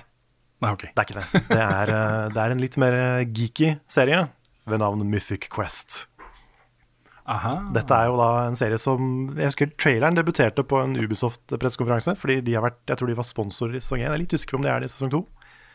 Men, men det er da to Ja, ja, sesonger av Mythic Quest som handler om et eh, spillselskap. Det er litt eh, aktuelt eh, om dagen med de, de, de, de, eh, ups and downs av, av et stort spillselskap som jobber med tidenes største MMO, som heter Mythic Quest. Men det var han som var med i It's Always Sunny, sant? Stemmer. Ja, det, det tror jeg. Og en av hovedpersonene er jo da Iron Grim, som er, Ja, er eh. The, crea Ja, er han, ja, the Creative Director, som er en sånn pompøs drittsekk. Egentlig de fleste karakterene i serien er egentlig drittsekker. Uh, men de er De klarer liksom å gjøre det morsomt å følge de allikevel. Da. De har, noen av de har veldig gode historier. Um, sesong én er litt opp og ned for meg. Jeg syns ikke den var Den var ikke sånn det beste jeg har sett, men den var, den var underholdende. Det var kult med litt sånn Jeg har ikke sett en sitcom i et uh, trippel A-spillstudio før, så det var litt morsom, en morsom setting for en sånn sitcom. Eh, den hadde noen veldig veldig bra episoder. Det er en episode som er helt standalone, som handler om noen helt andre characters, og det er en av de beste TV-episodene jeg har sett noen gang. Oi. Kult. Som bare, de har bare ploppa den i midten av sesongen, og den er kjempebra. Eh, så den er uansett verdt å se. Eh, uansett om man ikke ser resten av serien engang, så er den spesielt verdt å se. Jeg tror det er episode fem eller seks um, i sesong én. Men sesong to har kommet, og den er mye bedre, syns jeg, enn det sesong én var. Den, eh, den tar liksom Jeg føler serien har funnet litt identiteten sin der. Den har bedre social commentary og sånn enn det den første sesongen hadde. Jeg følte at den kanskje snubla litt når den prøvde å, prøvde å være litt sånn samfunnsaktuell noen ganger. Men eh, sesong to syns jeg er veldig bra. Og den eh, Du har blitt bedre kjent med karakterene og mer Om ikke nødvendigvis glad i så mange av de, så i hvert fall um, i hvert fall kjent med de. Og da er det morsommere å følge de og følge historien deres. Jeg vet ikke om det kommer mer, fordi sesong to føltes som en veldig sånn avsluttende sesong. Eh, så akkurat nå, de to sesongene som har kommet, så er det veldig sånn self-contained og eh, få episoder. Så du kan liksom se gjennom, se gjennom det på noen få kvelder. Og jeg syns det er verdt det. Det er en, eh, en kul sitcom om det å lage spill. Liksom, Så en, Apple Plus har jo- eh, spesifikt, da. Ja, og så Apple Pluss har jo blitt eh, relevant for, eh, for eh, mange, fordi du nå får gratis abonnement på Apple Pluss på uh, PlayStation Pluss på PlayStation 5 i fem måneder, tror jeg. Ah, det er Så, ikke så det er en del av de seriene der Ja, så det er en del av de seriene der som plutselig har blitt aktuelle å se. Og det er en annen serie, i tillegg til Mythic Quest, som jeg har hatt så lyst til å se da, lenge. Uh, og Det er en serie som heter Ted Lasso. Ja, den har jeg hørt så mye om. Samme her. Og den, det virker som perfekt. da. Her kommer det en amerikaner som ikke kan en dritt om uh, europeisk fotball, altså soccer, uh, som uh, trener for et britisk fotballag. Um, og det, det jeg har hørt, da, er at det er bare superkos. Veldig sånn feel good TV. Så Jeg har aldri sett en fotballserie, men jeg vurderer å se den her bare fordi jeg, det er så mange personer som jeg liker, som har anbefalt den på en gang. Og så har de i tillegg The Morning Show da, med Jennifer Aniston, som, eller er det Morning Show det heter? Uh, et eller annet. Det handler om et sånn morgen-TV-program i hvert fall, med Jennifer Aniston i hovedrollen, som også skal være veldig bra. da. Så hvis du har en PlayStation 5, hvis du er en av de som har klart å skaffe deg en sånn, uh, og PlayStation Plus-abonnement, så kan du nå uh, installere Apple Plus kostnadsfritt. Jeg tror det er i fem måneder. ja. Eh, Så da rekker du å se en del. Så det er veldig bra. Kan jeg bare komme med en sånn tilleggs... eh, Ikke anbefaling, men en, en, eh, et, en oppfølging av en anbefaling du har hatt tidligere, Karl. Ja. Fordi kona jeg har begynt å se Sex Education nå. Åh. Det er så bra. Dritbra. Jeg har sett det igjen i sommer. Du har det, ja? Ja, ja. Jeg elsker Altså- den. den. Den blir bare bedre og bedre for meg. Ja, og det, det, som jeg, det som jeg elsker med den, er eh, også For det første så er den jo veldig veldig morsom og gjenkjennelig og sånne ting. Men så har den også et par sånne sideelementer som jeg setter så stor pris på. Og det er jo at de tar på en måte alle de forskjellige eh, personlighetene og legningene og, eh, og sånt på alvor eh, i den serien. Og det er gjort med en, en eh, sånn fintfølelse og varme som, som føles veldig naturlig, da. Um, så, eh, så den er ikke bare morsom, den er bra, liksom. Det er gode historier her, med gode rollefigurer og, og alt dette her. Det er helt sant. Den, den tar på en måte alle de der klassiske high school-filmstereotypene eh, og graver litt dypere i de. Ja. Og sånn, Hva er det egentlig som ligger bak dette her? Uh, hvem er dette mennesket egentlig? Og så kommer det kanskje en scene som gjør at jeg griner litt. Ikke sant. Blir det, ja, det er, den der er kjempe, kjempe, kjempefin og veldig morsom. Ja. Så må jeg jo trekke fram spesielt det av Gillian Anderson, og også Michael Persbrandt. Ja, De rollene de har, og det er så kostelig, altså. Det er så bra. Og den kjemien de har òg, er faktisk ganske sjuk, altså. Han er helt konge i den serien. Ja. Når han begynner å rope til dattera si på svensk og sånt, det er, det er så fett, altså. Det er kjempemorsomt. Kan jeg ta en, eh, ta en liten eh, ekstra edition til noe vi har anbefalt tidligere? Åh, det er så lenge siden jeg har hatt podkast, og det er så koselig å sitte og prate med dere igjen. At det er bare kjør på, Frida. Ja. Og dette er mest Do fordi it. at jeg har fått en del kommentarer på det. Og da er at jeg vil bare informere folk om at Twin Peaks kan du se i Norge. Den er Ja. tilgjengelig på Viaplay. Eh, Ja, det stemmer det. Ja, da, den tror jeg ikke var tilgjengelig da jeg begynte å se, for jeg vet ikke. Det kan være at jeg bare fullstendig overså det. Eh, men hele sesong, altså sesong 1 og 2 og The Return er tilgjengelig på, på Viaplay. Har ikke funnet Fire Walk With Me. Eh, men det kan være jeg bare oversetter den òg. Men jeg tenkte bare å gi beskjed. Du kan se Twin Peaks. Ja, Det det er konge, altså. Jeg kan jeg bare fortelle, jeg, jeg gjorde jo et lite sånn utskifting av T-skjorte-garderoben min i sommer. Ja. Det er lenge siden jeg har gjort. Og da fant jeg eh, den, akkurat den Twin Peaks-T-skjorta jeg har sett etter. Det er bare det der symbolet, Twin Peaks-symbolet med den der eh, diamantformen i midten. Så jeg fant det, det er bare det. Det står ikke Twin Peaks eller noen ting, eller Damn Good Coffee eller noe sånt. Det er bare den. Jeg var så happy, altså. Jeg har sett du har brukt den litt i det siste. Jeg bare sånn Hvor er det jeg har det fra? Å, jo, stemmer. Mm. Her kommer nyheter med Rune Fjell-Olsen, og han har ikke hår. Vi skal ikke gå gjennom alle uh, nyhetene som har kommet i sommer. Uh, noen av de nyhetene kan du da også høre i Nix fantastiske solopodkast, som han hadde eh, tidligere denne uka her. Jeg skjønner ikke hvordan den fyren får til 1 time og 20 minutter, eller hva det var. Solo? Solopodkast? Nei, Det, det, er- det er litt fristende å prøve det, samtidig som jeg føler kanskje Minecraft-serien min er i ferd med å bli det. Ja. Jeg er litt i ferd med å bli min egen solopodkast. Mm. Mm.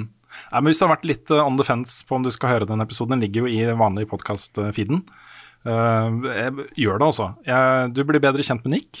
Eh, han har masse kult å si om ting han har spilt. Han kårer fjorårets beste spill. Det var, da satt jeg hytta med nevene opptil flere ganger på Mhm. den lista hans. Men, eh, men det er hans liste. Ja, han, han hadde eh, noen hot takes inni der. altså. Ja, han hadde det. han hadde Det Det er å begynne på 20.-plass med The Race of Par 2. Allerede der liksom, så kokte det litt i topplokket mitt. ikke sant? Men Og vi, vi er vanligvis med på podcasten, men vi kan ikke si noe. kan ikke si noe. Vi kan ikke si noe. Kan ikke, nei. Og han bruker jo det litt uh, også, da. Ja, ja. Øh, at han ikke har noen Det er veldig kult. Nei, det er en kjempefin episode som jeg anbefaler å høre. Men øh, for å ta da de nyhetene vi skal snakke om, så begynner vi med en ting som vi må som da vanlig ha en full disclosure. Vi jobber mye med Eldorado. Uh, vi har et kommersielt samarbeid, vi skal ha shows der. Uh, men dette er fett for oss og fett for mange. Nå åpner det, folkens. Eh, det er så mye ting på gang der. Akkurat nå pågår det en sånn summer camp, hvor man kan lære liksom å lage YouTube-videoer og um, uh, bli pro-gamer og den type ting. da. Og neste uke så er det et arrangement der uh, fra, uh, av noen som heter Frilynt. Som er en sånn non-profit-organisasjon som jobber med å lære barn og unge teater og kunstformer. Forskjellige kunstformer. Det er veldig sånn kulturretta. På tirsdag mellom klokka 12 på formiddagen og eh, 17.00, tror jeg det er, så har Spelledåsene en, eh, eh, det er en lang livestream. Der skal også jeg være gjest. Jeg dukker opp klokka halv ett på den streamen og skal være der en time. Eh, og det blir bare sånne kosegreier eh, med eh, spillsnakk og eh, sommerkos. Så jeg anbefaler folk å ta en kikk på det arrangementet, som mesteparten her vil da bli streama live, etter det jeg har forstått. Eh, og det gleder jeg meg til. Og så da den 18. august så er det jo Patron-kveld. Før de åpner. De første som liksom kan delta på et faktisk show på Eldorado, er eh, da våre backere og backere av eh, Radcrew og Spelledåsene. Vi skal ha et felles arrangement der på kvelden den 18. august. Der har vi lagt ut informasjon om billetter og sånt på Patron-siden vår til backerne. Um, jeg ser uh, vi har vel fått rundt 80 billetter, og de er vel tatt. Men det kan hende at det dukker opp flere billetter, eller at uh, man kan bytte litt, og at noen trekker seg og sånne ting. Så hvis du er interessert i billetter til showet, så meld interesse i den tråden. Det ligger en, eget, en egen post der, hvor du kan bare skrive et svar om at du vil ha billetter. Så kommer vi da i løpet av de nærmeste dagene, kanskje i løpet av neste uke, til å lage deg en faktisk gjesteliste. uh, og kontakte folk og høre om de fak faktisk er interessert i billetter eller ikke. Så ta og Det- sjekk, e sjekk innboksen din på Patreon, er vel egentlig det vi sier. Ja. Så det blir, det blir live eh, podcast pluss, pluss pluss.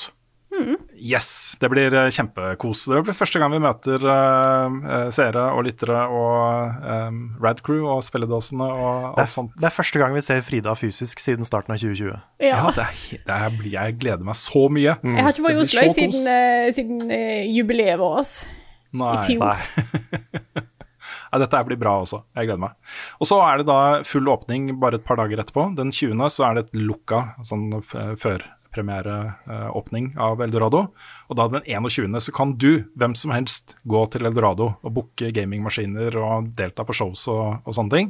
Og så da allerede eh, onsdag 25. så har vi vårt første offentlige liveshow på Eldorado. Um, nå fant vi ut i går at det er samtidig med eh, Gamescom Opening Night Live. Det er klokka åtte den kvelden, så det kan hende at det er det vi gjør. da At vi eh, ser på det showet sammen. Um, så vi får se. Uh, hvis ikke det blir der, så blir det noe annet gøy. Men nå er vi i gang, folkens. Det her blir eh, kjempebra. altså Jeg er uh, så klar for å gjøre ting på en scene og uh, Ja. finne på morsomme ting der. Jeg er generelt klar for den høsten her, for det, det kan potensielt skje så mange spennende ting på en gang. Så stay tuned. Vi har så svære ting å snakke om der som vi ikke kan snakke om ennå. Ja, det, det, er, det er vondt. Det er vondt. Ja. Men all right. Dette var uh, navlebeskuelsesdelen av nyhetsspalten. Eh, kan jeg gå videre med uh, noe svært som skjer i Fortnite uh, nå i helgen. Og Det gikk jo rykter om det lenge, det viste seg at det stemte. Ariana Grande skal da ha konsert i Fortnite nå i helgen. Og det blir da på fem spesifikke punkter hvor du kan gå inn og se det eh, showet. Eh, Det første er da midnatt natt til lørdag. Eh, det andre er lørdag klokka 20.00 norsk tid. Og så er det søndag morgen klokka 06.00. Eh, nytt show igjen på søndag klokka 16.00, og så da det siste er midnatt natt til mandag. Det blir anbefalt å møte opp en times tid i forveien, og jeg vet ikke helt hva det betyr. Det eneste de har sagt da, om dette her er at de, det kommer til å ha Quest-elementer. Eh, hvor man skal gjøre, eh, ikke bare se på, men gjøre ting også i tillegg. Så mm, jeg er ganske gira på dette her. Altså, jeg fikk jo ikke sett eh, Travis Scott-konserten live. Men jeg så jo den i opptak, og det er noe av det feteste jeg har sett.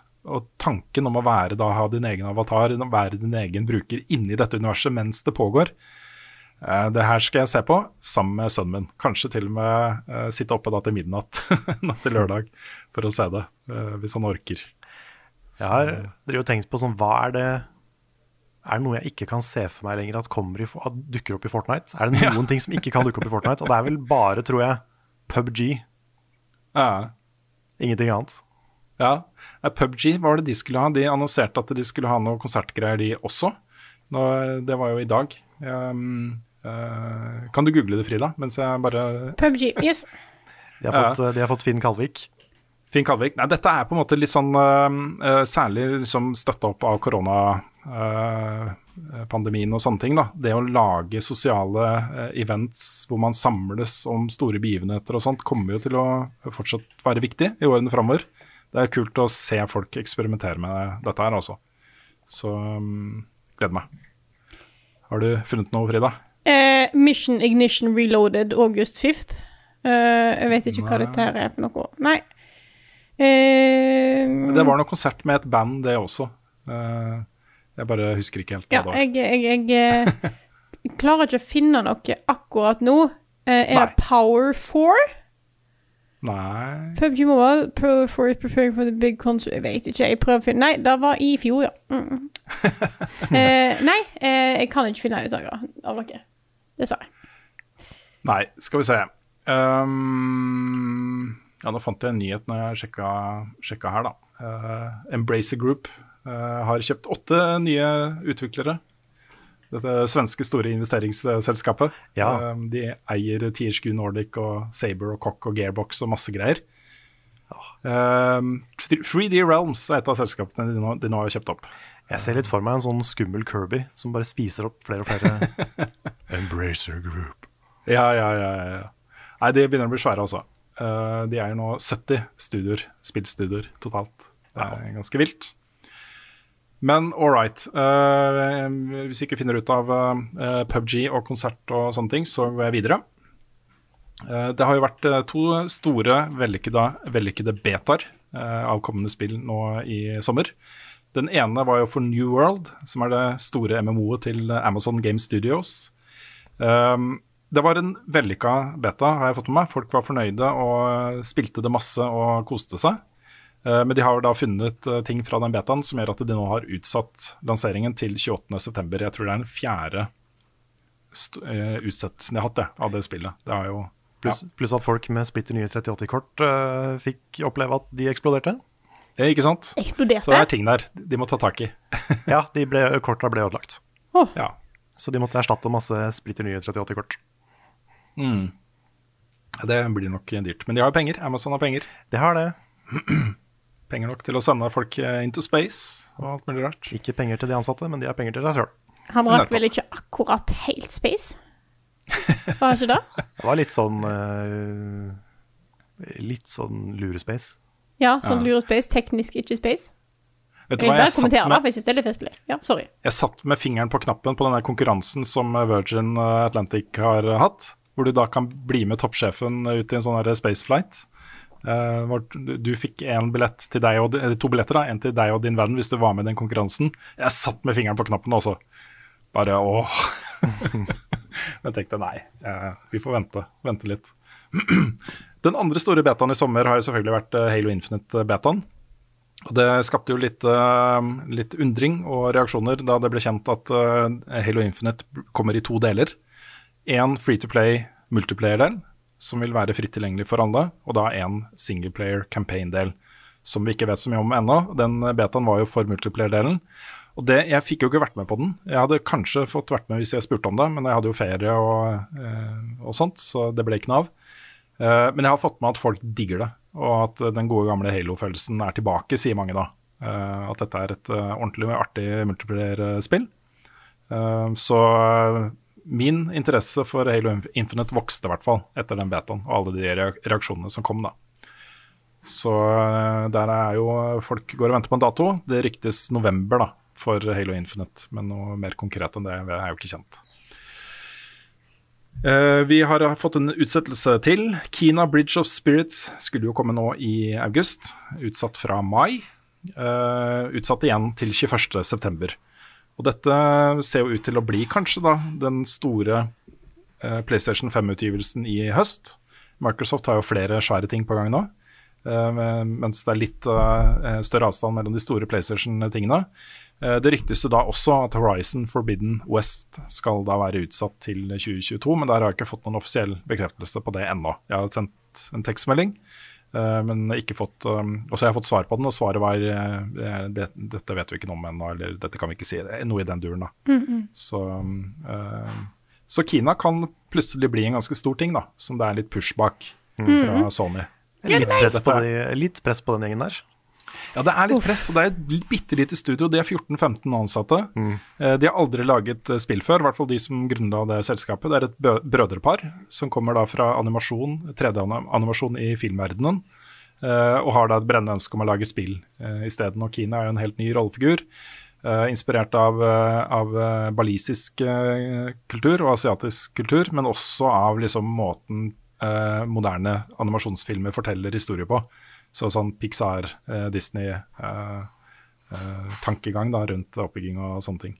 Uh, Iblanda litt sånn Breath of the Wild, Exploration og eh, abilities og sånne ting. Eh, 3D action adventure eh, med asiatisk eh, kultur og inspirert av eh, Pixar og Disney og sånt. Det, er, det kan jo bli så bra! Ja, ja hvis, det, hvis det spillet føles bra å spille Vi ser jo allerede hvor latterlig pent det er, liksom. Mm. Så er det bra i tillegg, så det kan klatre høyt opp for meg, altså. Ja. Jeg gleder meg. Vi uh, avslutter uh, nyhetsspalten med å melde at uh, Final Fantasy 14, som er et online-spill hvor du kjøper online keys, eh, digitale keys for å spille det, stort sett, da. Eh, I sommer så ble, gikk de tomt for keys. Nei! De hadde ikke plass til flere spillere. Det var ikke mulig på et punkt der. Jeg vet ikke om de har åpna opp uh, utvida serverkapasiteten nå. Men i en periode, en ganske lang periode i sommer så kunne du faktisk ikke bli en ny spiller av Final Fantasy 14 fordi det var så mange uh, som var interessert i å spille det. Det er Ja. vilt, altså. Det er helt vilt. Og det som er ekstra spesielt, er at det er jo ikke noen ny expansion nå. Det, det, kommer, det kommer en expansion i november som, som folk er sykt spente på. Uh, Endwalker, fordi det er liksom konklusjonen på hele historien som har blitt fortalt til nå. Så det er en mega-event. Det er Avengers Endgame, liksom, i, i Final Fantasy 14. Yep. Um, men det at de slår alle rekorder nå, mellom expansions, det er spesielt. Mm. Ja, det er kjempespesielt. Det er eh, det, Jeg er jo en outsider. Jeg har ikke spilt det selv, men jeg kjenner jo da opptil flere, inkludert deg, Carl, som spiller dette her og har snakka varmt om det lenge. Ja. Og det jeg har fått med meg som et salgs, salgsargument da, for å komme inn nå, det er at nå har du muligheten til å spille det opp på historien, sånn at du er klar for en episk finale Yes, til høsten. det stemmer. Og så har du jo muligheten til å spille gratis fram til level 60, tror jeg. Og da Ja. får du med deg Heaven's Sword, eh, som er den første ordentlig bra expansion. Det er bra fram til da også, men det, er liksom det, det, det skjer et ganske stort kvalitetshopp da, etter første eh, campaign. Når du kommer til første expansion, da blir spillet liksom det Mye av det det er nå, da. Ja. Da blir det skikkelig, skikkelig, skikkelig bra. Og jeg tror mye av det her også kommer av liksom Det spillet starta jo veldig, veldig veldig røft. og fikk en, eh, Det ble basically nuka og laget på nytt fordi det var så dårlig. Men siden da, siden liksom Realm Reborn kom for mange mange år siden, så har spillet vært så gjennomgående bra så lenge, og folk har så mye tillit til det teamet. Og da spesielt han Yoshi P, som er uh, the main man, som styrer Final Fantasy 14. At den tilliten er så sterk, og den uh, den liksom følelsen av å bli tatt vare på som Final Fantasy 14-spiller er så sterk da, for folk. At, at man blir liksom ganske lojal og blir ganske sånn happy med, med å være en del av det universet. da. Og det tror jeg liksom har bidratt til mye det som blir kalt wow refugees. Folk som er lei av World Ja. of Warcraft og ikke, ikke orker Blizzard mer, uh, finner et, et hjem her, da. Nei, Da har de jo to eh, store utfordrere til et Blizzard i trøbbel nå i høst, med både Final Fantasy 14 Expansion og New World. Så vi får se hvordan eh, WoW klarer seg i, det, eh, i den konkurransen. Oh yes. Uh, hva kommer egentlig nå? Jeg har ikke peiling. Hva kommer nå? Vi hadde jo egentlig ikke noen wildcard-spalte denne uka, her, men så kom jeg på at, eh, at eh, vi går jo mot en ganske spennende spillhøst nå. Eh, Nå er det jo sånn at neste år ikke se for mye på hva som kommer neste år. Fordi hvis man setter liksom denne spillhøsten opp mot hva som vi venter oss neste år, så ser ting kanskje bitte litt grann sånn Ja, 2022 kan gå inn i historien som et spillår, altså. Ja, fy faen. Men, hvis, men, men det, det som er litt kult, er at det åpner opp for uh, at, uh, at litt sånn annerledes type spill kan få litt mer oppmerksomhet og rom da, til å skinne. Uh, og der har du mye spennende også. Så jeg tenkte å bare gå litt kjapt gjennom noen datoer på ting som det er verdt å glede seg til nå i høst. Og da begynner vi med 19. august og 12 Minutes på PC og Xbox. Um, kjempespennende. Konseptet er jo at uh, spillet varer i tolv minutter, og så lærer du ting som gjør at du kan få liksom, historien til å gå videre. Uh, og de sier at det er fem-seks timers spilletid da, for å få med deg alt. Kjente skuespillere og alt mulig rart. Det er uh, kjempespennende. 25.8, Psychonauts 2. Endelig får den oppfølger, altså. Uh, litt spesielt også, fordi Double Fine er jo nå kjøpt opp av Microsoft, men dette kommer også på PlayStation 4. Så det blir på en måte Jeg tror det blir det siste Double Fine-spillet vi kan forvente oss å se på en PlayStation-konsoll på en stund. Uh, men Psychonauts uh, er et spill jeg var fryktelig glad, ut, glad i, uh, og gleder meg veldig da, til eh, en oppfølger der. Uh, 27. august, No More Heroes 3. Jeg er litt usikker på hvor mange fans det spillet egentlig har. Men de to andre spillene i den serien som kom på Wii, er jo Nå må, må jeg følge litt med på hunden her. Kom, da. Eh, ja, eh, vi får ta en, en liten pause der. Ja. Eh, ja, her har vi tatt et lite avbrekk fordi eh, hun har sovet, og da er det like før hun skal på do, så nå sitter hun på fanget mitt og tygger på et liten sånn tyggepinne. Um, så vi får se om det går greit, dette her. Uh, målet er da at hun ikke skal tisse eller bæsje på gulvet. Ja. Så det er også viktig Yes. å lære henne at ikke hun skal tisse på fanget ditt. Ja, det, men det gjør hun ikke. Så Nei, det, ok, det er det gjør ikke hunder. Så det er bra. Men ok, um, jeg vet ikke hvor mange fans da uh, No More Heroes har, men jeg elska jo de to spillene som kom på Wii. Uh, det er så utrolig sære, uh, artige, morsomme opplevelser. Unike opplevelser. Men jeg vet ikke liksom hvor stort nedfallsfelt dette spillet har, da. Men jeg skal i hvert fall spille det, og glede meg. Så hei, jenta mi. Ja. Dette er sånn som det er Dette er kos med hund, ikke sant? Nå er hun Nå, i mikrofonen. nå ser vi en bitte, bitte liten hund som klatrer på Rune. Ja. Eh, Den 31. august kommer da Kiwi, som handler om kiwifugler som eh, driver et postkontor. Eh, skal vi se.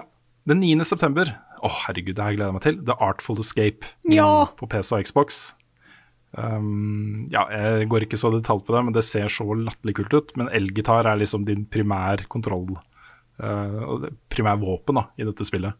Veldig sånn fantasirikt. Veldig stilig visual style på det også.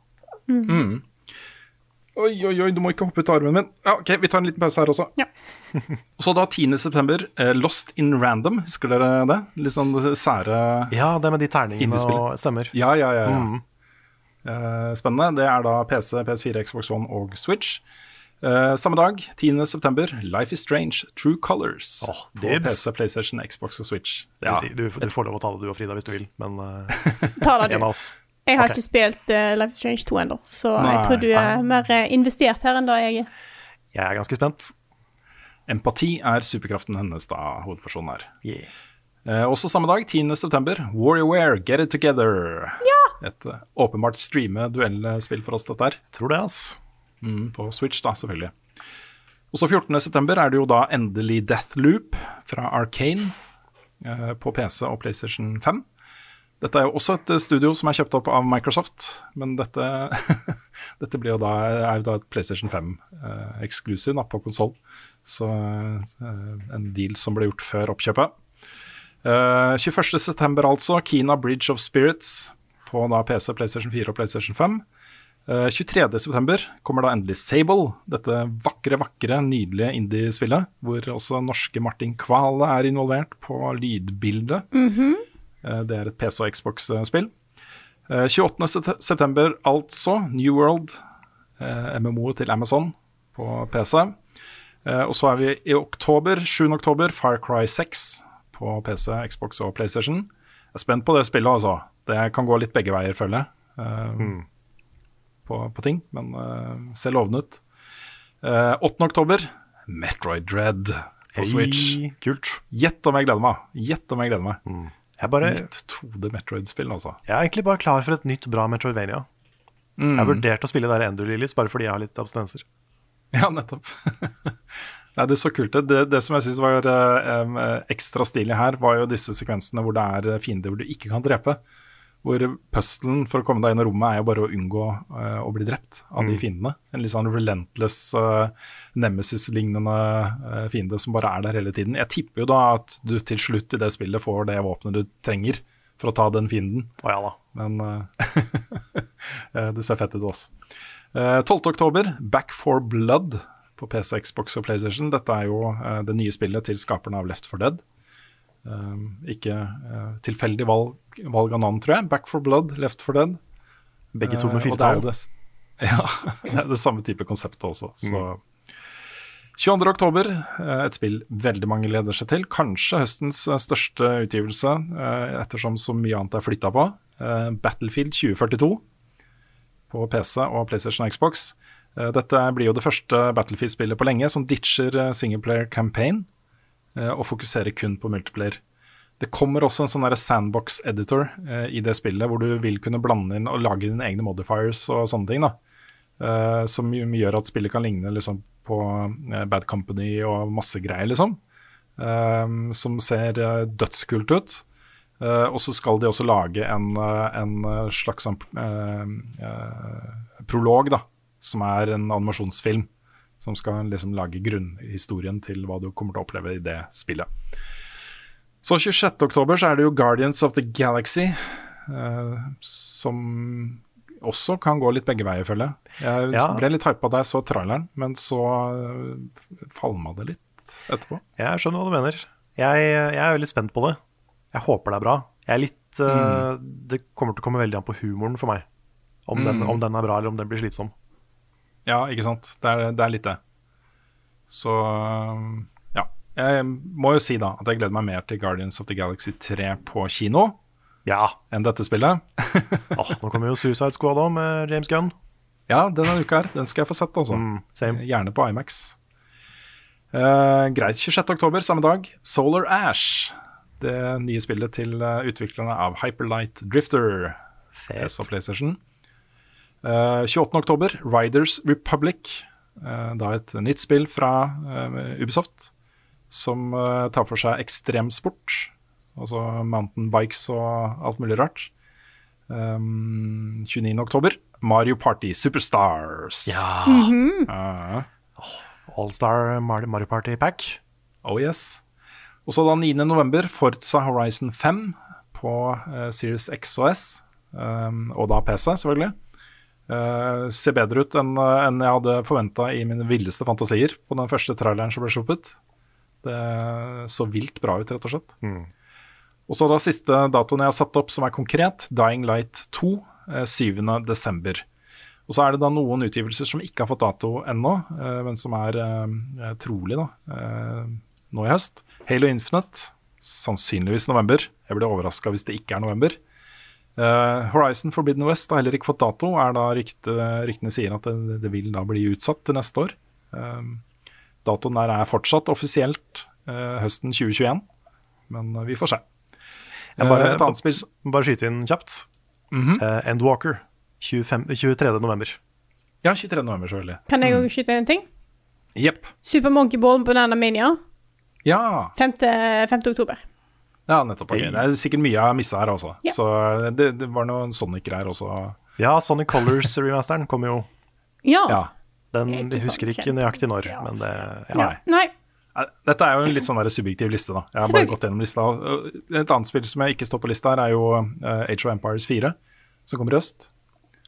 Så um, det er ting her også som, eh, som jeg kanskje burde ha nevnt. Fifa, nye Fifa-spillet. Uh, Pro Evolution Soccer har blitt, eh, hva er det de kaller det, E- e-soccer. Et uh, Ja. e-sportfokusert fotballspill. Så det er, andre- det er ting her også som jeg ikke har nevnt. Det er bare ja. renner sikkert inn kommentarer om 'Hvorfor tok du ja, ikke med det her? Hva med dette her?' Ja. Også, ja. mm, yes. Ja. Men det er bare, det er bare bra. Bare tips, eh, tips kommentarfelt. Yes. Mm. Jo, og så glemte jeg å ta med Flåklypa Grand Prix-remaken, Ja. som kommer 28. eller 29. oktober. Det er det mange i Norge som gleder seg til. Det er jo tidenes mest solgte spill i Norge, dette her. Mhm. Eh, type 380 000 eksemplarer, syns jeg så på Wikipedia. Å, fy fader. Så ja, det er ganske vilt. Eh, her kan du da kjøre Il Tempo Gigante i full 3D.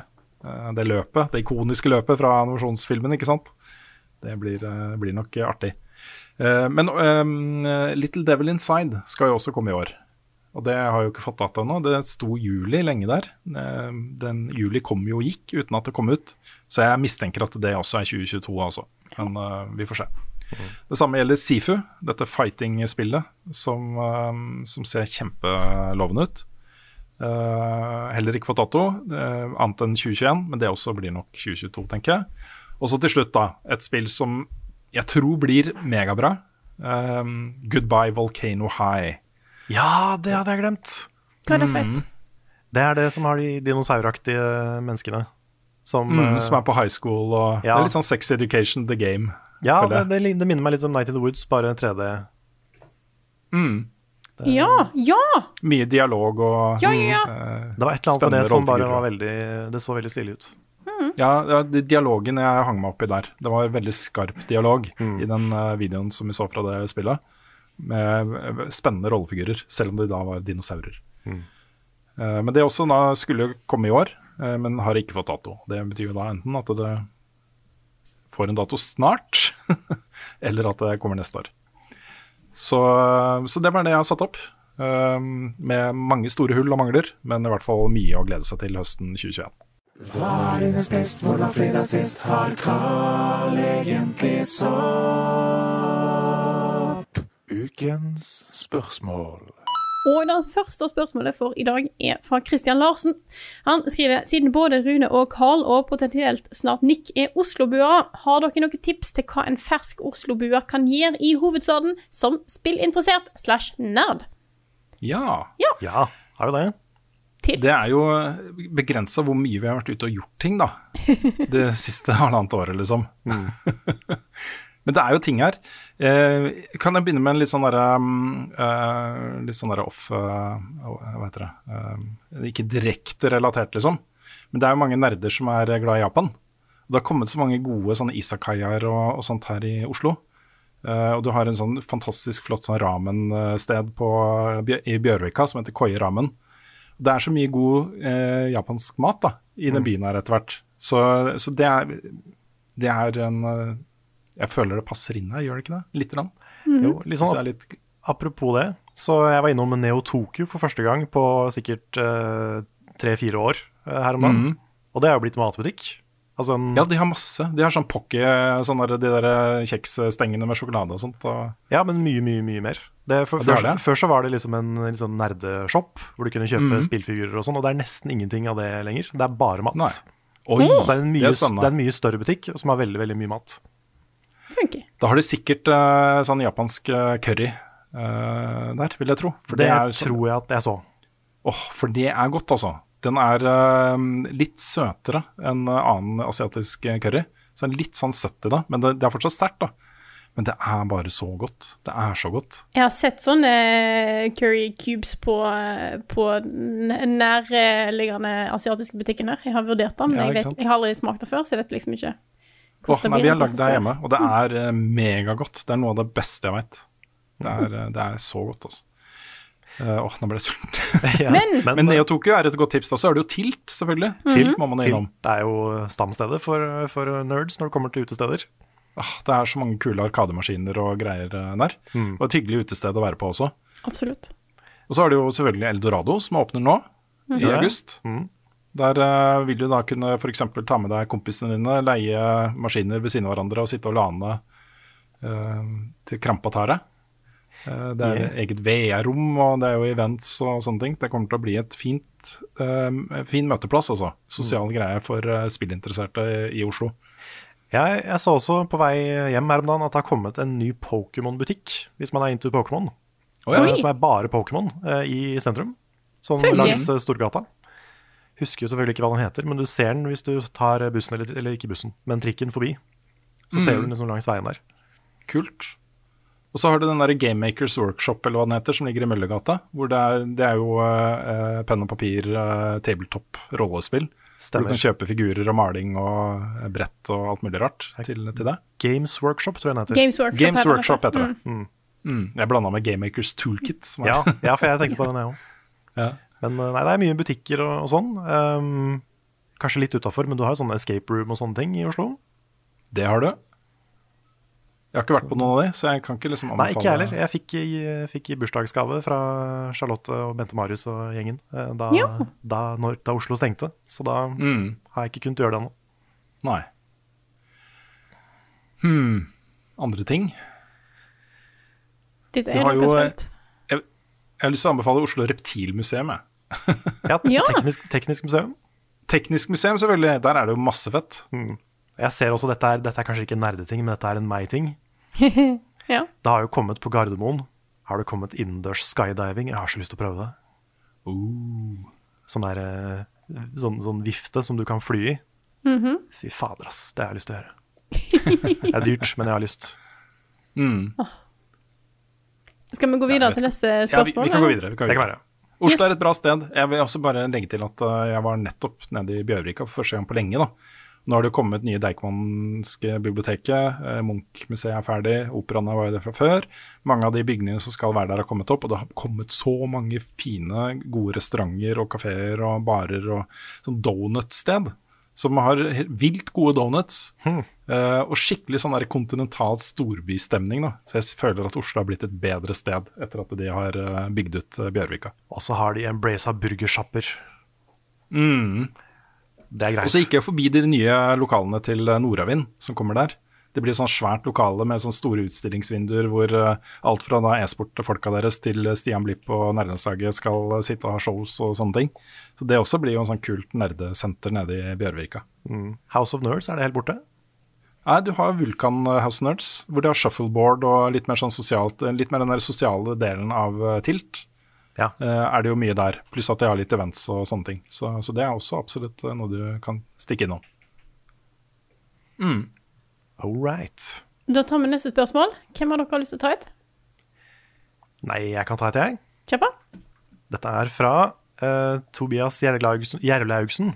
Eh, Han sier jeg så Inside av Bo Burnham i sommer for første gang, og man kan vel trygt si at det var vanskelig å være helt forberedt på det man fikk servert. Kort tid etter har den tydelig satt sine spor, alt fra å synge noen av sangene for full hals i bilen, til å få runder på runder med emosjonell juling og ligge våken om nettene. Dere har sikkert snakket om dette før, men hva er det med Inside og Bo Burnham som gjør at han treffer så mange, og hva satt dere personlig igjen med dersom dere har sett den? Og vi har sett den aldri? Å ja. Hørt albumet flere og flere ganger. Oh ja, for den ligger på Spotify nå. Yes. Så eh, vi kjenner, kjenner godt til eh, både Bo Burnham og den spesialen, som handler om eh, korona, lockdown og det å være innestengt på et rom. Eh, Han har jo laga, mm. den, spes den spesialen helt aleine da, han, eh, da han var innestengt. Det er, eh, det er jo to sider av den for, for sånn som oss. Vi, vi jobber jo på en måte mye med det samme som han.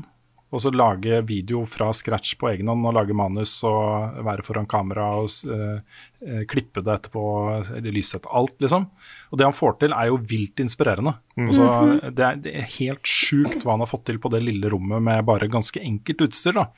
Selv om han har jo ganske proft utstyr, så er det jo sånne ting som det er mulig å skaffe seg og gjøre ting med. Eh, og det ser bare så sjukt bra ut. Eh, alt han har gjort der, da. Jeg er veldig veldig imponert og inspirert da, til hva man kan få til. Men så har du den siden av det som, eh, som gjør at det på en måte stikker dypt, og det er jo budskapene hans. Eh, og grunnen, jeg, jeg føler at grunnen til at det treffer så hardt, er at eh, det, jeg opplever det som veldig ektefølt. At dette er ikke, han, er ikke noe, han poserer ikke som bekymra for menneskets framtid og sånne ting. Han er genuin, dette er temaer han er genuint opptatt av og brenner for, og som også da har ført til at han eh, har eh, Han måtte jo eh, slutte å ha liveshows fordi han fikk panikkanfall på scenen og sånne ting. Eh, dette er en person som, som har noe å meddele eh, som er viktig, eh, og som kommer fra det riktige stedet, og som da i tillegg er bra laga, liksom. Så, så hvis man ser intervjuet med han, jeg har sett litt intervjuer eh, som han har gjort i etterkant av Inside og sånne ting, det, er, det brenner jo inni han. Han er jo uh, sterkt kritisk av både uh, sosiale medier og uh, store bedrifter, og hvordan de på en måte driver rovdrift på vanlige mennesker og den type ting. da. Um, og hvordan livene våre liksom har blitt fanga i en, en sånn syklus som, som han mener er ganske ødeleggende. Og særlig da for unge mennesker. Så uh, han snakker mye om liksom hvordan uh, sosiale medier og nettbruk og den type ting påvirker uh, barn og unge. uh, og hvordan deres fremtid kommer til å se ut. da. Og der er det mye viktig, altså. Um, jeg må bare nevne, dette blir litt personlig, da. Men eh, i natt, sånn i ett-halv to-tiden, så, eh, så kom jo dattera mi tuslende inn i stua. Jeg satt og nerda. Um, og da var hun bekymret, da. Fordi hun hadde fått med seg at eh, det brenner i Tyrkia og eh, Hellas, og at folk snakker om verdens undergang og sånne ting. Det, er, det gjør litt vondt, altså. Det gjør litt vondt at barn på ti år liksom går rundt og er bekymra for, eh, for eh, fremtiden til planeten vår og menneskeheten, liksom. Um, så, så jeg føler jo at Bo Burnham er viktig i en sånn Mm. sammenheng. Dette er, burde vært litt sånn obligatorisk da, for unge mennesker, tenker jeg å se. Inside. For jeg tror, det, er en, det er en ting som kanskje som treffer yngre, som, som er mye mer oppi dette her og, og lever med sosiale medier på den måten vi gjør, Mm. enn kanskje de som er godt voksne. Ja, jeg tror kanskje de budskapene til Bo Burnham treffer deg mer jo mer holdt på å si, online du er. Og vi, Ja, vi, vi jobber jo på internett, uh, og er derfor veldig mye på internett. Mm. Jeg merker for min del at det å være mye på Twitter, f.eks., hvor du får veldig mye nyheter i fleisen hele dagen, og mye av det er veldig deprimerende, veldig tungt og veldig fælt, eh, det har bidratt til depresjon hos meg, liksom. Det, Mm. det er too much for ofte. Mm. Eh, selv om det er selvfølgelig kjempeviktig å følge med og få med seg ting som skjer i verden, og prøve å være på den riktige sida av det, liksom, så er det så tungt å leve oppi det og, og se det og få føle det på kroppen hele tida.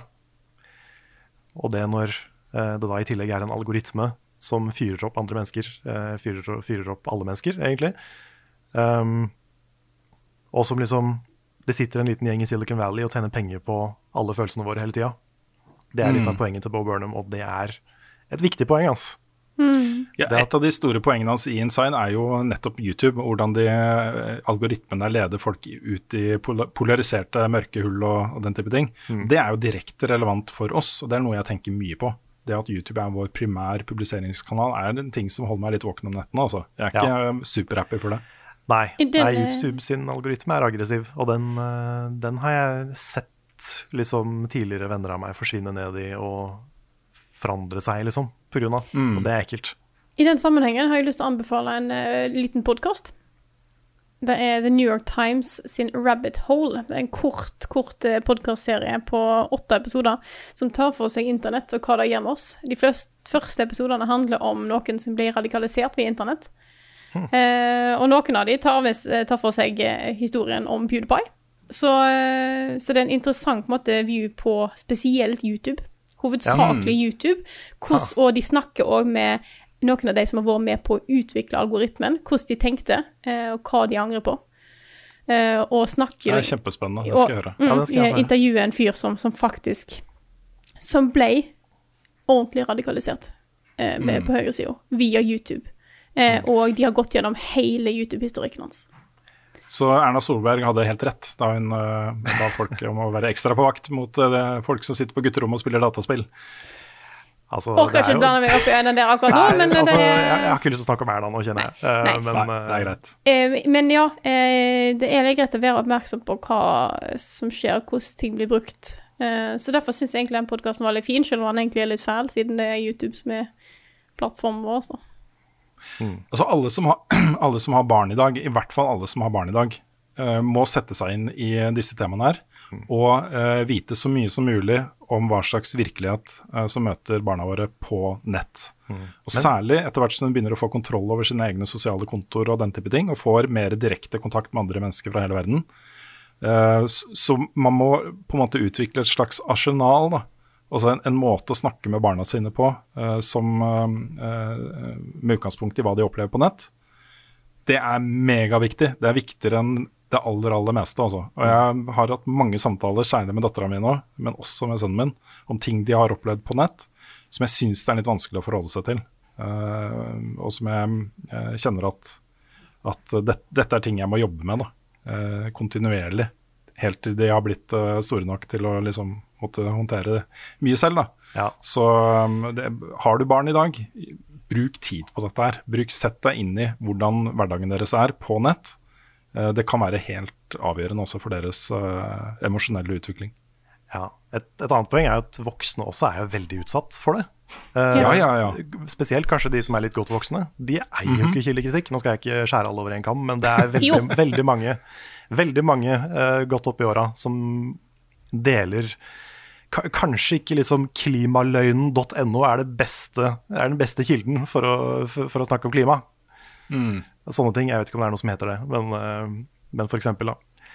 Og det er så mye Jeg har noen onkler på Facebook, og det er en del sånn Det fins ikke kildekritikk der, og det er dritskummelt. Det er megaskummelt.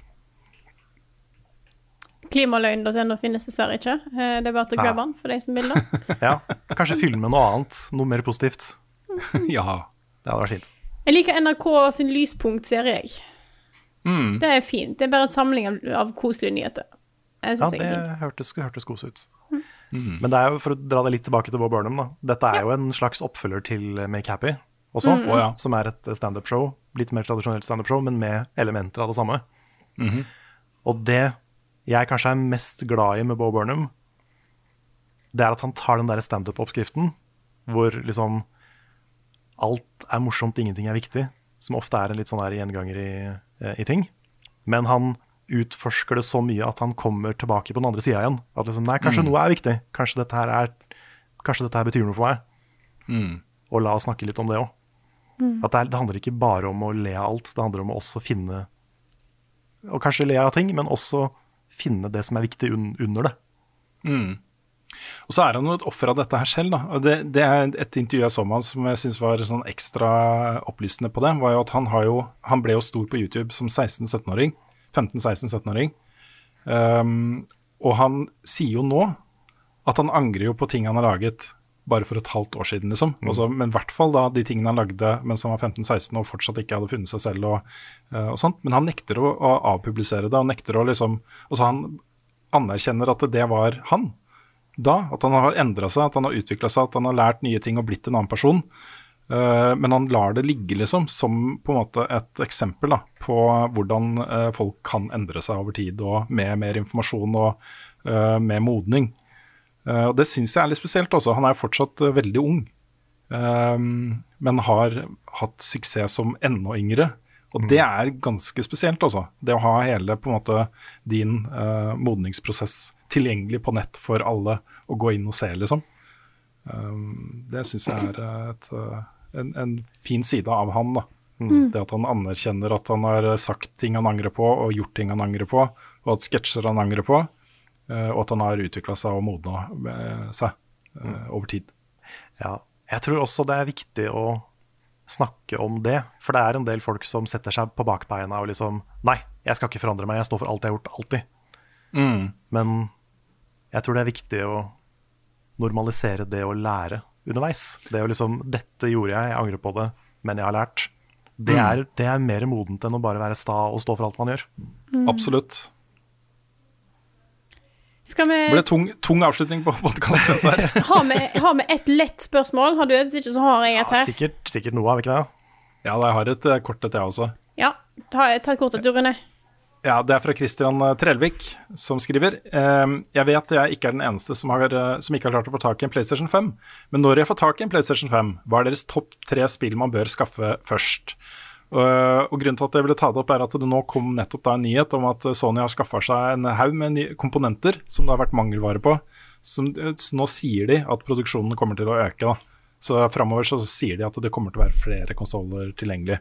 Så kanskje du slipper da å være med på et av disse dustete lotteriene Uh, som du har måttet være med på da, for å skaffe deg en PlayStation 5 her i Norge. Ja, det er, det er dustete, men det er jo en, en OK måte å combatte scalpers på, da. Det er det. Ja, ja, ja det er det jo. Det er det jo. Um, og rettferdig, da. At man ikke liksom um, uh, har bedre forhold for de som er uh, te mer teknisk kompetente, f.eks.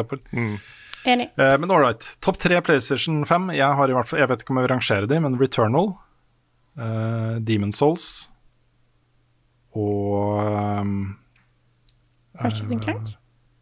Ratchet and Clank. Ja, det må bli de tre. Det er jo ikke veldig mange PlayStation 5-eksklusive titler å Nei, er velge det. mellom. Men uh, Spiderman Miles Morales for eksempel, ser jo mye bedre ut på PlayStation 5 enn på PlayStation 4. Mhm. Astros Playroom er jo eh, Å grei ja, det burde kanskje vært der. for Mm. Jeg lurer på kanskje jeg ville hatt den foran Ja, Ratchet. uansett så tenker jeg litt at, uh, at, at du burde begynne der. Mm. Det er litt vanskelig å på en måte uh, universalt anbefale Returnal også. Du må være klar over at det er en kjempeterskel der, uh, som er der for alle. Uansett hvor flink du er fra før, så må du over den terskelen for å virkelig nyte det spillet. Uh, og for noen så kommer du til den terskelen på én time. Andre må nok bruke liksom 10-15 timer på å komme dit. Men det er et spill det er mulig å lære seg og bli god i og fikse og takle. Og når du først har gjort det, så, så endrer på en måte hele spillopplevelsen seg ganske drastisk også. Det blir et annet spill når du har lært deg det. Mm. Bare vær klar over at den terskelen er ganske høy. Jeg føler at jeg glemmer et eller annet som jeg spilte nylig, som var bare på PlayStation 5. Uh, og det plager meg litt. Men, uh, men det er nok liksom Astro Demon Souls og uh, Returnal for meg, pluss eh, da Miles Morales. Mm. Og så har du jo eh, PlayStation 5-versjonen av Resident Evil Village f.eks. er jo krem. krem. Jeg vil legge til eh, The Pathless, Ja. eh, som er Ja. veldig bra på PlayStation 4. Fantastisk på PlayStation 5. Mm. Så eh, hvis jeg skulle ha valgt ut Jeg har ikke spilt veldig mange titler på PlayStation 5 ennå, eh, men jeg vil i hvert fall si The Pathless. Hvis du Da spillet har så mye, og jeg er egentlig litt trist for at jeg ikke har fått lagd en video på det. Um, men òg eh, Ratchet Clank, hvis du liker den type. Litt mer lettbeint plattformer. Jeg tror jeg fant det jeg glemte. Ja. Selvfølgelig. Final Fantasy 7 Integrate. Ja! ja! Den er jo bare på PS5. Det er sant. Worth it.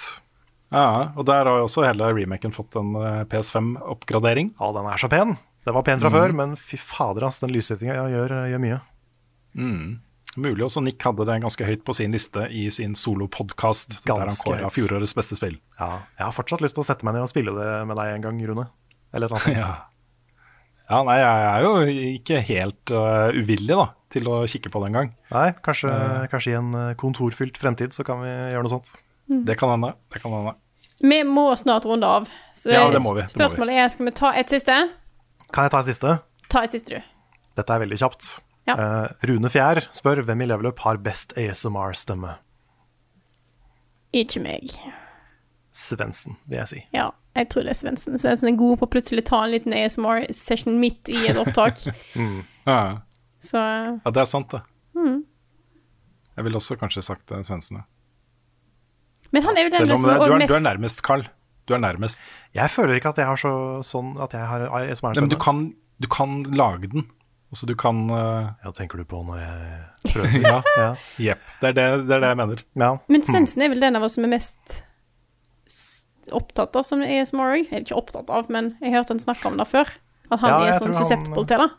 ja, han er nok litt sånn eh, ASMR-konnoissør, holdt på å si. Mm. For det, det er jo ikke det er, Jeg får jo ikke den, den følelsen. Så Nei. Ja. Men da så tar vi og runde av. Yeah. Vi får se om jeg husker dette her etter en måned tid med pause. Ja, det er blir spennende. Ja. Mm. Dette her er podkasten Level Backup, utgitt av moderne media. Låten i introen og outroen er skrevet av Ole Sønnik Larsen og arrangert og framført av Kyoshu Orkestra. Vignettene er lagd av fantastiske Martin Herfjord. Du finner mye mer innhold fra oss på youtube.com slash levelupnord og twitch.tv slash levelupnord. Der ligger alle eh, de nyeste, i hvert fall, Vodso fra, fra opptak. Det ligger som highlights.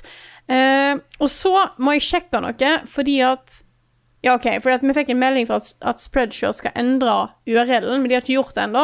Shop.spreadshirt.no slash levelupnorge er fortsatt linken til vår shop. Der ligger masse gøy. Får se om jeg får til å lage noen nye T-skjorter utover, utover høsten. Jeg har litt ideer. Gå inn på patreon.com slash levelupnorge og støtt oss der hvis du har lyst til å hjelpe oss i ferden med å lage masse kult gaminginnhold. Eh, vi er ekstremt takknemlige for alle som gjør det, eh, så tusen, tusen takk. Tusen hjertelig takk også. Tusen det, takk. er, eh, det skjer spennende ting med oss om dagen. Det er, vi vet vi har sagt det mange ganger før, men nå gjør det, det gjør virkelig det. Og det er takket være den støtten vi har fått gjennom disse fem og et halvt årene. Fem og et halvt år, altså. Ja. Det er, eh, jeg ja, vilt takknemlig. Så um, håper vi at mange fortsetter å bli med oss videre, fordi vi har lyst til å holde på med dette her lenge. Ja, Ja. Det, vi mener det når vi sier at vi kunne virkelig ikke gjort dette her i fem år hvis ikke det var for Patron. Det, det er 100, Nei, er- 100 på grunn av Patron at vi har kunnet gjøre det. Oh yes. Absolutt. Og eh, holdt på å nesten glemme det, hvis du har lyst til å ta en del av vår koselige Discord-community, så er det bare til å gå inn på discord.gg slash levelupnorge og joine oss der. Der er det masse kose, veldig mye fine bilder av ka- kjæledyr og vi lagt ut, så bare til å hoppe inn der, altså. Ja, og så kommer det sånne meldinger som, som jeg setter så stor pris på. og Det er folk da som sier at, at de på en måte, de føler de endelig har funnet et community på nett som er inkluderende, og hvor de føler seg hjemme og de føler seg sett og tatt på alvor og respektert. Det er mer enn noe annet det jeg er stolt av i Level At vi har skapt et sånt community eh, sammen med seere og lyttere som, eh, som folk føler eh, seg hjemme i og Ja. komfortable i. Det er helt sant. Det er en sånn utvikling som jeg på en måte har sett litt over tid også, at det har blitt mer og mer sånt hyggelig og åpent for forskjellige typer mennesker. Og det er, det, det er kjempeverdifullt. Altså. Ja, det er det. Det er det.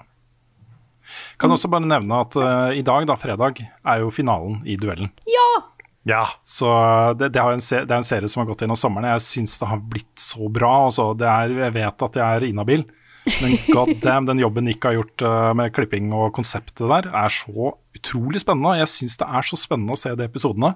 Fordi jeg vet jo bare min del. ikke sant? Jeg vet jo bare hva jeg har gjort, og så er det jo fem andre deltakere som har gjort ting. og så er det klippet sammen på en måte som blir utrolig dramatisk og spennende. da. Ja. Så jeg er så spent på hvem som vinner den duellen. Ja, fy fader. Åh, vi vet ingenting vi heller, vet du, så det er bare Nick som vet. Ja. det, er, det, er, det, er, er lettere å skryte av det når, når det er Nick som har hovedansvaret. Ikke, det, ikke, ikke jeg sitter og lager det sjøl. Oh. Dette blir ikke en engangshendelse. det kommer flere sånne dueller også. Jeg tenker at uh, erfaringene fra den første sesongen med den type dueller tilsier at vi må gjøre det mer. Ja. Men Nick trenger litt pause for klipping, så det blir ikke ja. med en gang. Ja, ja, Det blir ikke med en gang. Den neste sånn eh, sesongbaserte tingen er jo eh, klassikeren, Yes. som jeg håper vi kan få til denne høsten her. Mm. Yes. Ehm, jeg tror vi bare tar og sier ha det der, jeg. For nå Ja. har vi holdt på lenge. Tusen Ja, takk til, til alle dere som har hørt på, og så takk vi for oss. Og så snakkes vi igjen neste uke.